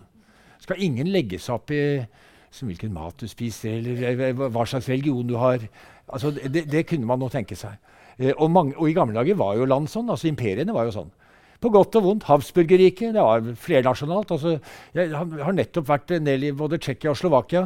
Eh, og der var det jo sånn helt frem til eh, egentlig helt frem til annen verdenskrig, men i hvert fall til etter første verdenskrig, at de, de byene der de var jo helt, de var flerspråklige. Folk kunne to og tre språk. Altså Det var jøder, uh, som var ofte tysktalende, og så var det slavere, som var tsjekkisk- eller slovakisktalende, og så var det masse ungarere, og så var det en god del tyskere også, som hadde kommet opp fra Østerrike osv. Uh, og russere. Uh, uten at noen syntes at det var det minste merkelig. Det var helt, det var helt normalt. Uh, forfatteren Claudio Magris har skrevet veldig flott om dette i sin bok om Donau fra 80-tallet hvor Trieste, denne byen som da ligger inneklemt inne i bukta i Adriaterhavet Inneklemt mellom det latinske og det slaviske Europa. ikke sant? Det var jo en sånn by. Det var slovensk, det var italiensk, det var jødisk, og det var tysktalende. Mm. Så det, og det, det, Der kan vi lære noe av historien. For historien forteller oss at dette er fullt mulig. Mm. Men Alta var det norsk og samisk og kvensk? Ja, altså, jeg mener, ja, Finnmark er jo et, der, der, jobber man jo med dette her. Da er det der. Ja, du er veldig forsiktig når du snakker om dette med overbefolkning. Og så tenker jeg det er jo et kjempe, det er jo det som er et av de aller største problemene. Og vannet, da mangelen på vann som kommer. Og når jeg tenkte jeg, Hvis ikke du engang kan si dette høyt, Hva da? direkte med overbefolkning, ja, ja, ja. Mm. Mm. er Mm. Mm. altfor mange mennesker. Og jeg Mm. sier ikke at dette her er noe Det er forferdelig vanskelig Ja. å nærme seg, spesielt fra en som bor i Norge med nok vann og Mm. nok mat Ja, nok ja, alt. ja. Men det må da kunne gå an å nevne det. Ja, jeg tror det. Eh, jeg, jeg, jeg, Det ja. er jo elefanten i rommet. Eh, og, og, og, takk for at du sier det. og Det er også derfor jeg nevner det. Men jeg skal si, altså, grunnen til at jeg nevner det på en forsiktig måte altså, dette er jo en, For det første så er det jo en lang historie. Fordi eh, Tidlig på 1800-tallet så hadde jo han presten Thomas Malthus som mente at problemet med befolkningsvekst det var at eh, befolkningen stiger eh, aritmetisk 1, 2, 3, 4, 5 Nei. Produksjonen stiger aritmetisk 1, 2, 3, 4, 5, 6, mens befolkningen vokser geometrisk 1, 2, 4, 8, 16. Så det vil oppstå et sprik. Men det han ikke så for seg Han skrev helt i forkant av den industrielle revolusjon. Det var at eh, med moderne produksjonsmetoder og med maskiner og med kull og dampmaskiner osv. Så, så ville man kunne produsere veldig mye mer mat. Eh, og dette har vi jo sett gjennom den grønne revolusjonen i India, sant, som hadde hungersnød da de var 200 millioner. Nå er de 1,2 milliarder og har ikke hungersnød. Men det er et høyt spill. Eh, Dette er fordi vi taper fleksibilitet, og vi er, gjør oss helt avhengig av et høyt energiforbruk. Veldig intensivt jordbruk, veldig mekanisert jordbruk, og noen få kornsorter som gir høy avkastning. Og Det samme har vi sett i Bangladesh, som det også går veldig mye bedre med nå enn det gjorde på 1980-tallet. Så eh, før vi snakker om overbefolkning, så må vi ta alle de forbeholdene om at de 7,5 milliardene som lever nå, har det stort sett mye bedre enn de fleste mennesker hadde da, da vi bare var 2 milliarder. Og likevel så er jeg enig med deg. Fordi eh, vi, vi, bruker opp, eh, vi, vi bruker opp arvesølvet. Vi, vi spiser av kapitalen. Altså når når vi bruker opp det fossile brennstoffet Jeg pleier alltid å si at eh, jo, fossilt brennstoff er jo selvfølgelig fornybar energi. Man må bare vente 60 millioner år. Ja. Så man må litt tålmodig, så kommer det tilbake. Det tar bare litt tid. Så for all del. Eh, men en ting til. Det er det at har, har ikke dere også lagt merke til at det er mange politikere og andre som er bekymret over overbefolkningen og syns at det er litt for mange kinesere. og sånn. Det hadde vært fint om de gikk tilbake til ettbarnspolitikken. Men de vil ikke ha befolkningsnedgang i sitt eget land. Da er det plutselig krise og eldrebølge og katastrofe. Så de, de skal selv, vi skal selv få veldig mange barn, men alle de andre skal få færre. Uh, og det si, forteller oss vel noe om nasjonalismens begrensninger, gjør det ikke det? Jeg tror ikke russerne syns det er, jeg tror ikke Putin syns det er kjempefint at den russiske befolkningen uh, synker. Og i Japan blir det jo betraktet som et stort sosialt problem at, eh, at, at du får en sånn omvendt alderspyramide. Ja. Eh, hva, hva myndighetene i Niger sier, vet jeg ikke. Men det, jo, det, det, det sørgelige her er jo at de landene i verden hvor befolkningen stiger mest, er jo de som har dårligst forutsetninger for å håndtere det. De fattigste. Altså Niger eh, som er et av de fattigste landene i verden hvor hver kvinne får gjennomsnittlig 7,2 barn. Da tror jeg vi går bort til kroken her. Mm. Vær så god. Mm. Og så bak der etterpå. Fantastisk foredrag, tusen takk. Et, uh, vi har hatt et møte i dag her i Trondheim hvor uh, han digitaliseringsministeren har vært og åpnet en ny sånn kunstig intelligensby, AI Village. Mm. Mitt spørsmål, Et av temaene som blir behandlet der, er jo hvilken rolle humaniora kommer nå til å spille fremover. Det vi etterlyser humaniora fra teknologisiden når det gjelder kunstig intelligens. Mm. Vi kommer til å få en voldsom endring i samfunnet. Ja. Og dette må dere ikke overlate til oss gutter på, på barnerommet. Altså. Mm. Nei, det er veldig eh, Nei. Eh, ja. Men uh, først svarer Thomas. Ja, ja, jeg skal svare. Jeg, jeg, eh, jeg, er enig med deg at humaniora og, og samfunnsforskere må, må inn i, mye, i, mye, større grad og prøve å forstå dette. her, Og det, og det kan man gjøre på flere måter. Altså, det er jo en del forskning av den typen du både kan regne med eksisterer allerede. Eh, altså Hvor eh, antropologer og sosiologer går inn i arbeidsplasser hvor det har skjedd robotisering, og så prøver de å finne ut eh, hva som foregår, relasjonen mellom personer og uh, maskiner. Um, og det er ganske stor forskning for nå på smarttelefoner. altså folks bruk av smarttelefoner. Og Det er også spennende. Det kunne vært et helt eget foredrag innenfor denne serien. Altså, altså Hvordan denne greia her plutselig er blitt en, ja ikke den da, men den. Hvordan denne her plutselig er blitt en forlengelse av kroppen. Den er blitt en integrert del av kroppen. Du er naken uten. Uh, og, og hva, skjer med, hva, skjer med, det som er inni hjernen når vi outsourcer mer og mer av innholdet dit? Uh, uh, det er én type spørsmål, men de mer fundamentale spørsmål som har vært spennende også å se tverrfaglig på, både med kulturhistorie og filosofi og kanskje idéhistorie og andre fag i humaniora, det er jo grenseoppgangen mellom naturlig intelligens og kunstig intelligens. Altså, den reflekteres jo mye om, og det er mye liksom science fiction-aktig. Jeg nevnte jo denne roboten som var redd for å dø osv. Men vi skal ikke bare av, avvise det. Altså, og, og, og, vi blir også preget av det. Vi, vi, begynner jo å interagere med disse her. Vi snakker med Siri Alexa og Google uh, som om de var uh, personer. og noe jeg har opplevd, opplevd, i mitt eget liv, ikke bare med min robotgressklipper Robbie, altså, men også når jeg har, uh, jeg har Siri da, på, jeg har Siri også på klokken min. Altså, jeg, jeg, fikk den til jul. Jeg har ikke kjøpt den selv. Men, så jeg kan spørre Siri. Jeg kan f.eks.: Hei, Siri. Where am I? You're at Peter Eggs plass one Trondheim. Ja, altså Hun er ikke så innmari god i norsk, men hun sa at du er på Peter Egges plass 1. Peter Egges plass 1, Trondheim. Så, eh, og, men da, det du da opplever, er altså at du eh, Jeg lurer på om folk da begynner å snakke til hverandre slik de snakker til Google og Alexa. Og, fordi du må snakke veldig entydig. Ikke noe ironi, ikke, ikke noe humor, ingen kompleksitet. Veldig sånn rett på. Om det smitter over på måten vi da forholder oss til andre mennesker på jo, jo, mer altså Internet of Things, jo mer det liksom preger hverdagen, og det er jo i ferd med å ta fullstendig av, eh, hvordan vil det prege vår relasjon til andre? Altså Ikke bare hvordan vil det prege arbeidslivet, hvilke jobber vil bli borte, og sånne ting, men hvordan vil det påvirke den naturlige intelligensen? Det synes jeg er interessant. Så jeg er helt enig med deg. Eh, flere forskningsprosjekter der. Mm. Ålreit, og så er det bak der. Ja, jeg tenkte egentlig jeg skulle ha det her overvåkningsgreia forbigå i stillhet, men siden noen tok det opp og gjorde det verre, så får jeg kjøre på. Uh, Hvis noen mener at verden er nordfolka, og du bor her i Norge, så bør du jo egentlig begå selvmord. Uh, for det er det beste for miljøet. Uh, det er sånn at 10% rikeste i verden, som inkluderer omtrent alle i Norge, eller rett og slett alle i Norge, mm. har 50 av utslippene i CO2. Og da er vi bare på karbonutslipp, ikke på bruk av landjord, og ikke på bruk av andre ressurser osv. Så, ja. uh, så dem som har føder mest folk, der hvor vi fattige mest folk, også de fattigste områdene i verden, det er der, altså der hvor ett menneske tilfører minst uh, økologisk fotavtrykk. Mm. og den grad liksom Altså, det er veldig sånn merkelige ting man får, da, spesielt i Vesten, hvor, hvor man med en gang trekker til liksom, ja, det er for mange folk i verden, i stedet for å tenke liksom at kanskje det er vi Mm. Og da vi, hvem vi? Vi i Vesten, vi rike folk. Uh, ikke liksom en random person i jungelen i Amazonas mm. uh, som står for katastrofen. Ikke sant? Det er vi som mm. ødelegger verden. Det er ikke, det er ikke liksom Nei. person med tolv barn i India. Uh, så det å rett ut si at liksom, nei, det er for mange folk på en sånn fullstendig abstrahert og historisk måte, blir veldig det er jo en god begrunnelse for fascisme, da, egentlig. Uh, ja. uh, mm. Men hvis vi skal tenke sånn, så bør vi jo bombe, bombe USA, uh, Frankrike, mm. oss, eh, andre europeiske land. ikke sant? de som er sånn 6 av verdens befolkning, som du sa, kanskje. Mm. det er jo lite offer, da, sammenligna med liksom å skulle gå rundt og sterilisere alle i Afrika og Asia. og sånt. Mm.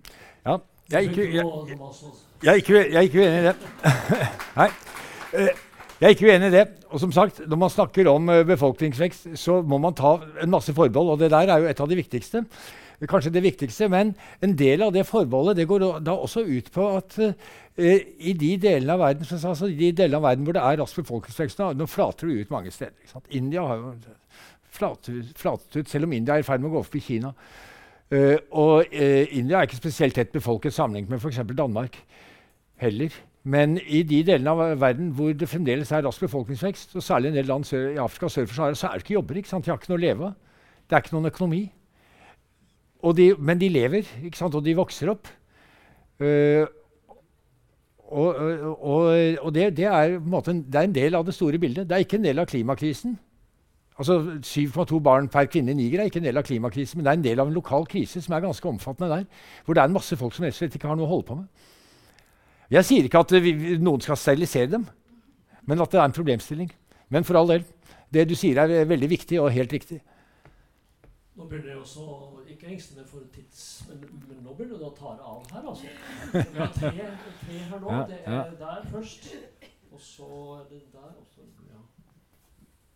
Eh, jeg har lyst til å gå tilbake til denne nye, nylige undersøkelsen som viser at uh, rundt 25 av befolkningen i Norge tror at det er forskjell i intelligens, bl.a mellom mm. såkalte raser. Mm. Og det er jo helt fortvilende. Jeg ble jo skikkelig sjokkert da jeg hørte det. Og så tenker jeg mm. vi må gjøre noe med dette. Og da håper jeg at du har noen ideer om hva som kan gjøres. Ja, altså øh, Ja, øh, altså jeg bestemmer jo ingenting. Eh, og det må huske på altså, Når vi snakker om uh, befolkningsvekst altså jeg, jeg, jeg, bestemmer ingenting på det området heller. Så, så jeg, er noe, jeg, er ikke noe, farlig eh, person sånn sett. Um, uh, ingen makt. Men, uh, men hva vi kan gjøre med det Altså, Hva er intelligens? Det, man kan jo begynne å spørre, man kan begynne å dekonstruere intelligens. ikke sant? Og så kan man begynne å, man, Hvis man absolutt må snakke om intelligens, så kan man f.eks. snakke om den såkalte Flynn-effekten. altså Oppkalt etter forskeren Flynn, som viste at hele nasjoners IQ har steget med 10-20 prosentpoeng i løpet av det 20. århundret fordi de har fått bedre utdannelse. Uh, altså Sånne enkle ting som det. Uh, men, uh, men, man kan også problematisere og da er vi inne på spørsmålet om hva vil si hva er et menneske. ikke sant? Altså Grunnvilkårene som Per Bjørn er opptatt av, grunnvilkårene for det menneskelige. Er det å ha høyest mulig IQ som er målet, eller er det helt andre ting som er viktigere? Altså, ikke sant? Uh, nei, men kan du gjenta det da? Ja, hva vi kan gjøre, ja. ja. Ja, denne misforståelsen. Ja, så Spørsmålet er er det kunnskap som får folk til å skifte mening, eller er det helt andre ting? Eh, jeg vet ikke. Eh, ærlig talt. fordi når det gjelder klima, så har jo kunnskapen vært der veldig lenge uten at det har skjedd noe. Særlig. Det har skjedd litt her og der. Så det er åpenbart ikke mer kunnskap og mer forskning. I hvert fall ikke mer naturvitenskapelig forskning på klima. Kanskje man må ha mer psykologisk og humanistisk forskning på klima for å skjønne hvorfor det ikke skjer noe bedre. Men uh, det er ikke sikkert at det er kunnskap som skal til her heller. Men uh, noe som kunne være en tanke å gå inn for, er jo å endre på verdigrunnlaget i, dette samfunnet. Altså at vi, Jeg snakket så vidt litt om problemene knyttet til vekst. Så at, åpenbart at altså, Grønn økonomisk vekst det, det, høres jo fint ut, men man har ennå ikke sett noe eksempel på at det har fungert. Som andre ord at vi har litt andre mål for tilværelsen Eh, hva er det gode liv? Og der har vi noe å lære av andre folkeslag. Og Der er det noe som er likt og noe som er forskjellig. Alle vet at det gode liv det er ikke å skaffe seg flere dingser, det er ikke økonomisk vekst. Og det er ikke nødvendigvis øh, øh, altså den, liksom disse konvensjonelle målene på intelligens som da er veldig knyttet til øh, en bestemt historisk situasjon. Men det er relasjonen til andre mennesker. Sånn, Det er det som gjør at folk blir lykkelige. Så man kunne gå den veien. Og den ekstreme obsession med IQ Altså, den sier jo også noe om eh, hva slags type tid vi lever i. Da. Så er det der Ja, vær så god. Eh, ja, du har jo snakket en del om skillet mellom eh, natur og kultur. Um, og uh, da du snakket litt om klimaspørsmålet, så trakk du frem det med å, å se på oss som én menneskehet. Mm. Jeg ser ikke hvor hun er. Hvem er jeg ser, jeg ser, deg ikke. Der, ja, ja! Der var du, ja. Nå så jeg deg. Unnskyld, du satt bak noen, ja. ja. Um, så jeg lurer på uh, Hva tenker du vil være fordelaktig med å uh, lage et skille mellom menneske og natur uh, med tanke på klimaspørsmålet? Mm. og ser du noen utfordringer med mm. å gjøre det? Ja, altså det, store, ja, eh, altså det, som er et paradoks her, er jo at man, når man snakker om antroposen, som jo har etablert seg nå som et ord, sånn menneskets tidsalder, sånn menneskets geologiske tidsalder Enten man mener at den begynte i ca. 1810 med kull og dampmaskin, eller 1945, eh, eller enda senere med, med den store akselerasjonen i, eh, i økonomisk og teknologisk uh, utvikling og tiltagende destruksjon. Når man snakker om antropocen, så er, jo så er det jo mennesket som står i sentrum. Det er menneskets tidsalder. Og samtidig er det jo slik at mange av de som snakker om antropocen, nettopp vil bygge ned skillet mellom mennesket og omgivelsene. Eh, og kanskje vi er nødt til å ha to tanker i hodet på en gang, eller la oss si to familier av tanker i hodet på en gang. Det er, for det første, det er åpenbart at det er vår feil. Det er vår feil. Det er vi mennesker. Vi kan ikke skylde på gorillaene eller delfinene. Det er ikke deres feil. Det er ikke tunfisken eller haiens feil. Det er vi som må gjøre noe med det, for det er vi som har brakt oss opp i dette uføret. Og det går ut for alle andre også. Og det er dårlig gjort. Uh, altså Jeg oppdaget nå senest, ja, senest i helgen altså jeg var på, Vi har en hytte. da, jeg var på hytta, Det var ingen maur der i år. Jeg vet ikke hva det kommer av. Ja. Da blir man litt sånn uh, Du blir litt fæl. Det er første gang. ikke sant? Han ikke, så ikke en eneste maur. For det er jo kry av maur inne hytta første gang vi er der om morgenen. Uh, og i hagen min har det vært lite bier, men er, sånn er det jo. Uh, så sånne ting det går utover de andre. Og det er dårlig gjort. Det har vi ikke rett til. Så da må vi gjøre noe. Så, så vi mennesker har et spesielt ansvar. Samtidig som vi må tenke mer økologisk om oss selv. Som en del av det store kretsløpet. Og der er faktisk Darwin ganske god i artenes opprinnelse. Fordi han viser at alt liv henger sammen med alt annet liv. Og han har til og med noen ganske poetiske formuleringer som handler om hvordan alt liv henger sammen. Og han er til og med litt kultur- eller litt artsrelativistisk. For han sier at, Apropos intelligens han sier at ja, ja, hvis man skal rangere arter Det sier han i artenes opprinnelse. Uh, ja, ja, Hvis man skal rangere artene, så er det klart at hvis mennesket skal gjøre det, så vil vi jo sette en eller annen form for intelligens på topp. da. For det er det vi har mest av. ikke sant? Men hvis en bie skulle gjøre det samme, så vil det være evnen til å se infrarøde farger. Eller en type instinkt. Stedsans. Altså det ville være helt andre eh, kvaliteter som en bie ville rangere på topp hvis den skulle eh, lage et hierarki over artene. Så, så det, det, er ikke noe dumt sted å begynne. Men altså rett og slett å tenke økologisk. Vi har del et større kretsløp. Tenke litt mer på også i fysisk, biologisk forstand hvor vi kommer fra, hvor vi er på vei. Og der har vi noe å lære av de sjamanistiske religionene. Ja, det har vi faktisk. Ja. Også vi her ville den på slutten så er du til slutt her, tenker jeg. Jeg har egentlig mest en kommentar til det om overbefolkning igjen. Mm. For jeg tenker at Vi har kanskje et veldig sånn feil bilde av verden. Og det, Hans Rosling han viser det veldig godt i de der, eh, programmene sine. Det der med ja. eh, hvis høyt utdannet, De spurte høyt utdanna folk i England, folk i universitetsmiljøet, hva som var samla fruktbarhetstall i Bangladesh. Mm. Og her var det liksom så få som svarte riktig, at det er på mm. under 2,5, ja, ja. reproduksjonsnivået, at en sjimpanse, som vi har snakka om litt tidligere i kveld, hadde valgt mer riktig hvis de hadde fått presentert fire bananer med et helt tilfeldig hva svaret mm. mm. Og det er jo helt vilt at liksom, måte, universitetsprofessorer sånn, i England ikke mm. velger mer riktig enn en sjimpanse. og ikke på en måte det er en verdensforståelse. Folk har ikke den forståelsen. Nei. De har en oppfattelse av at det er fattige land der er det veldig veldig mange, og de blir veldig veldig mange flere. Og det her er et mm. problem for oss. Mm. Og en annen ting som også er viktig å ta med, det er jo det her Hvorfor får de mange barn? Og det er jo liksom, De er så fattige. Hvorfor fortsetter de å få barn? Hvorfor fortsetter de å få barn? Mm. Det er jo også noe i det at De er fattige. De har ikke tilgang på vann. De har kanskje ikke tilgang på vaksiner. Barna deres dør. Hva gjør vi hvis barna våre dør? Jo, da har vi et instinkt at vi fortsetter å få flere barn, for vi må ha noen som hjelper til oss. Som er, mm, ja, hjelper oss med mm, mm. Og da blir man jo også flere. Også når man begynner å få tilgang til de her basise grunntingene som vann og hygiene og vaksiner. Da fortsetter man fortsatt å få flere barn, for man forventer at noen dør. Så det er på en måte ikke det her med at dere er så fattige, og sånn man ser i kommentarfeltene om at herregud, hvorfor gir vi dem vaksiner? De er jo altfor mange, la dem dø ut. ikke sant? Hjelper jo ikke. Det mm. forsterker jo bare problemet på mange måter. Mm. Ja. Dette er et, dette er et tema. Uh, det, er, det, er, faktisk et tema, og, og, men jeg vil likevel si at det er ikke ett svar på det. Men det du sier, er viktig, og det handler vel også om at det ligger noe rasisme der òg. Altså I denne neomaltusianismen, altså den tanken om at er, altså overfolkning er problemet globalt sett.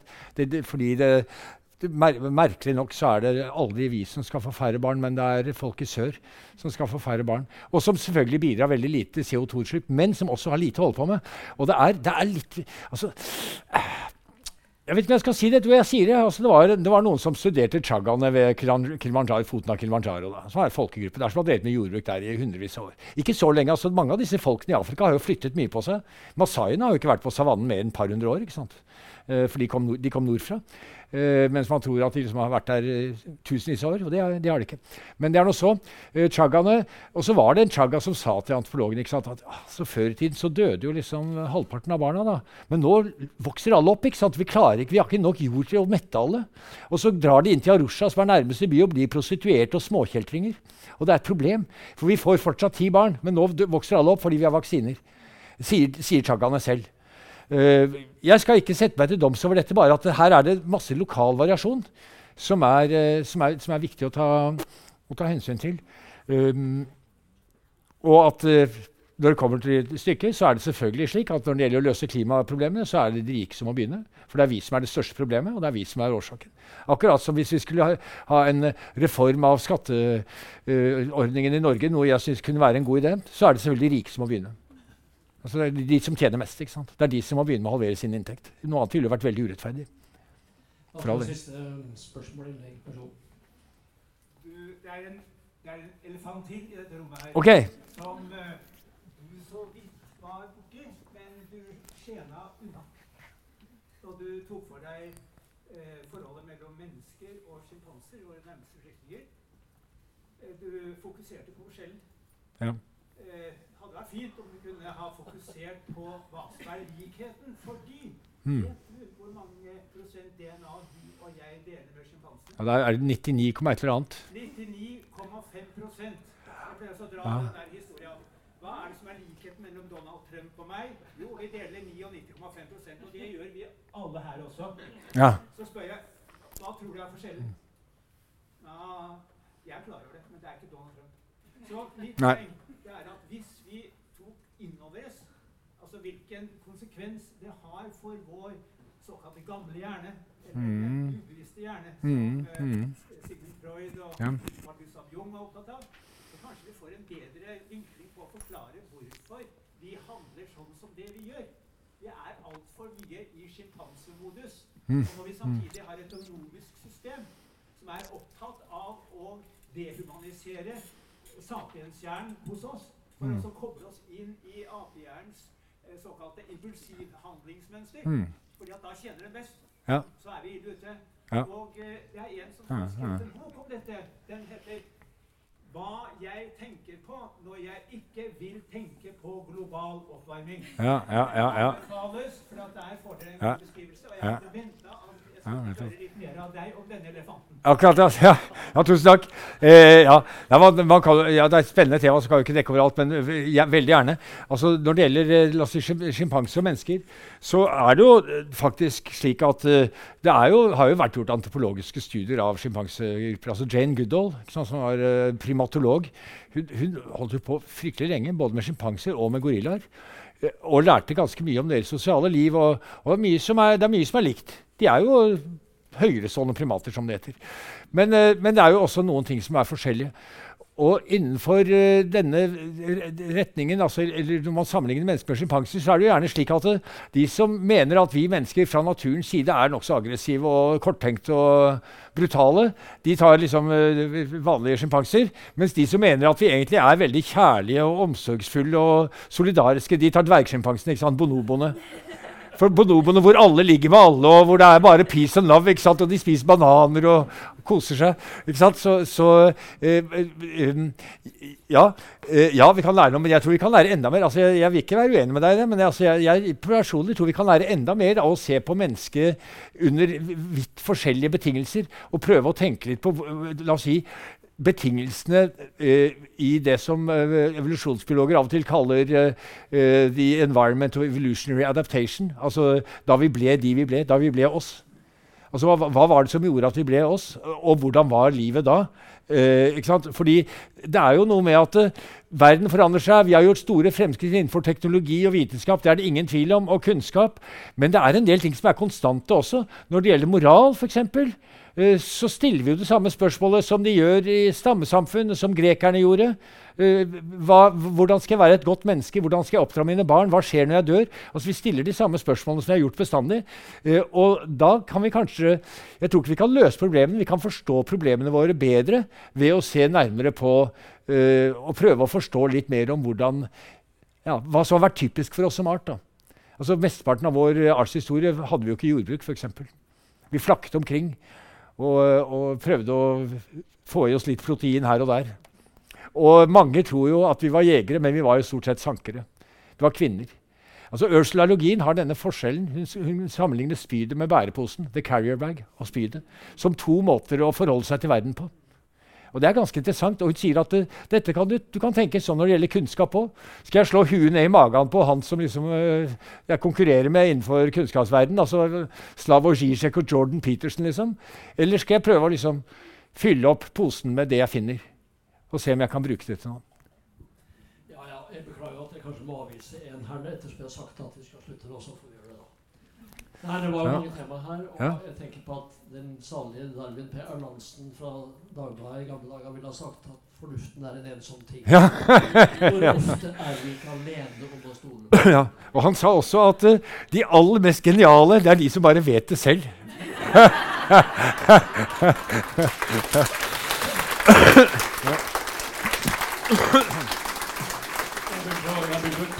klemme på alle foredragsholdere, og Thomas noe unntak. Takk skal du ha. Takk skal du ha.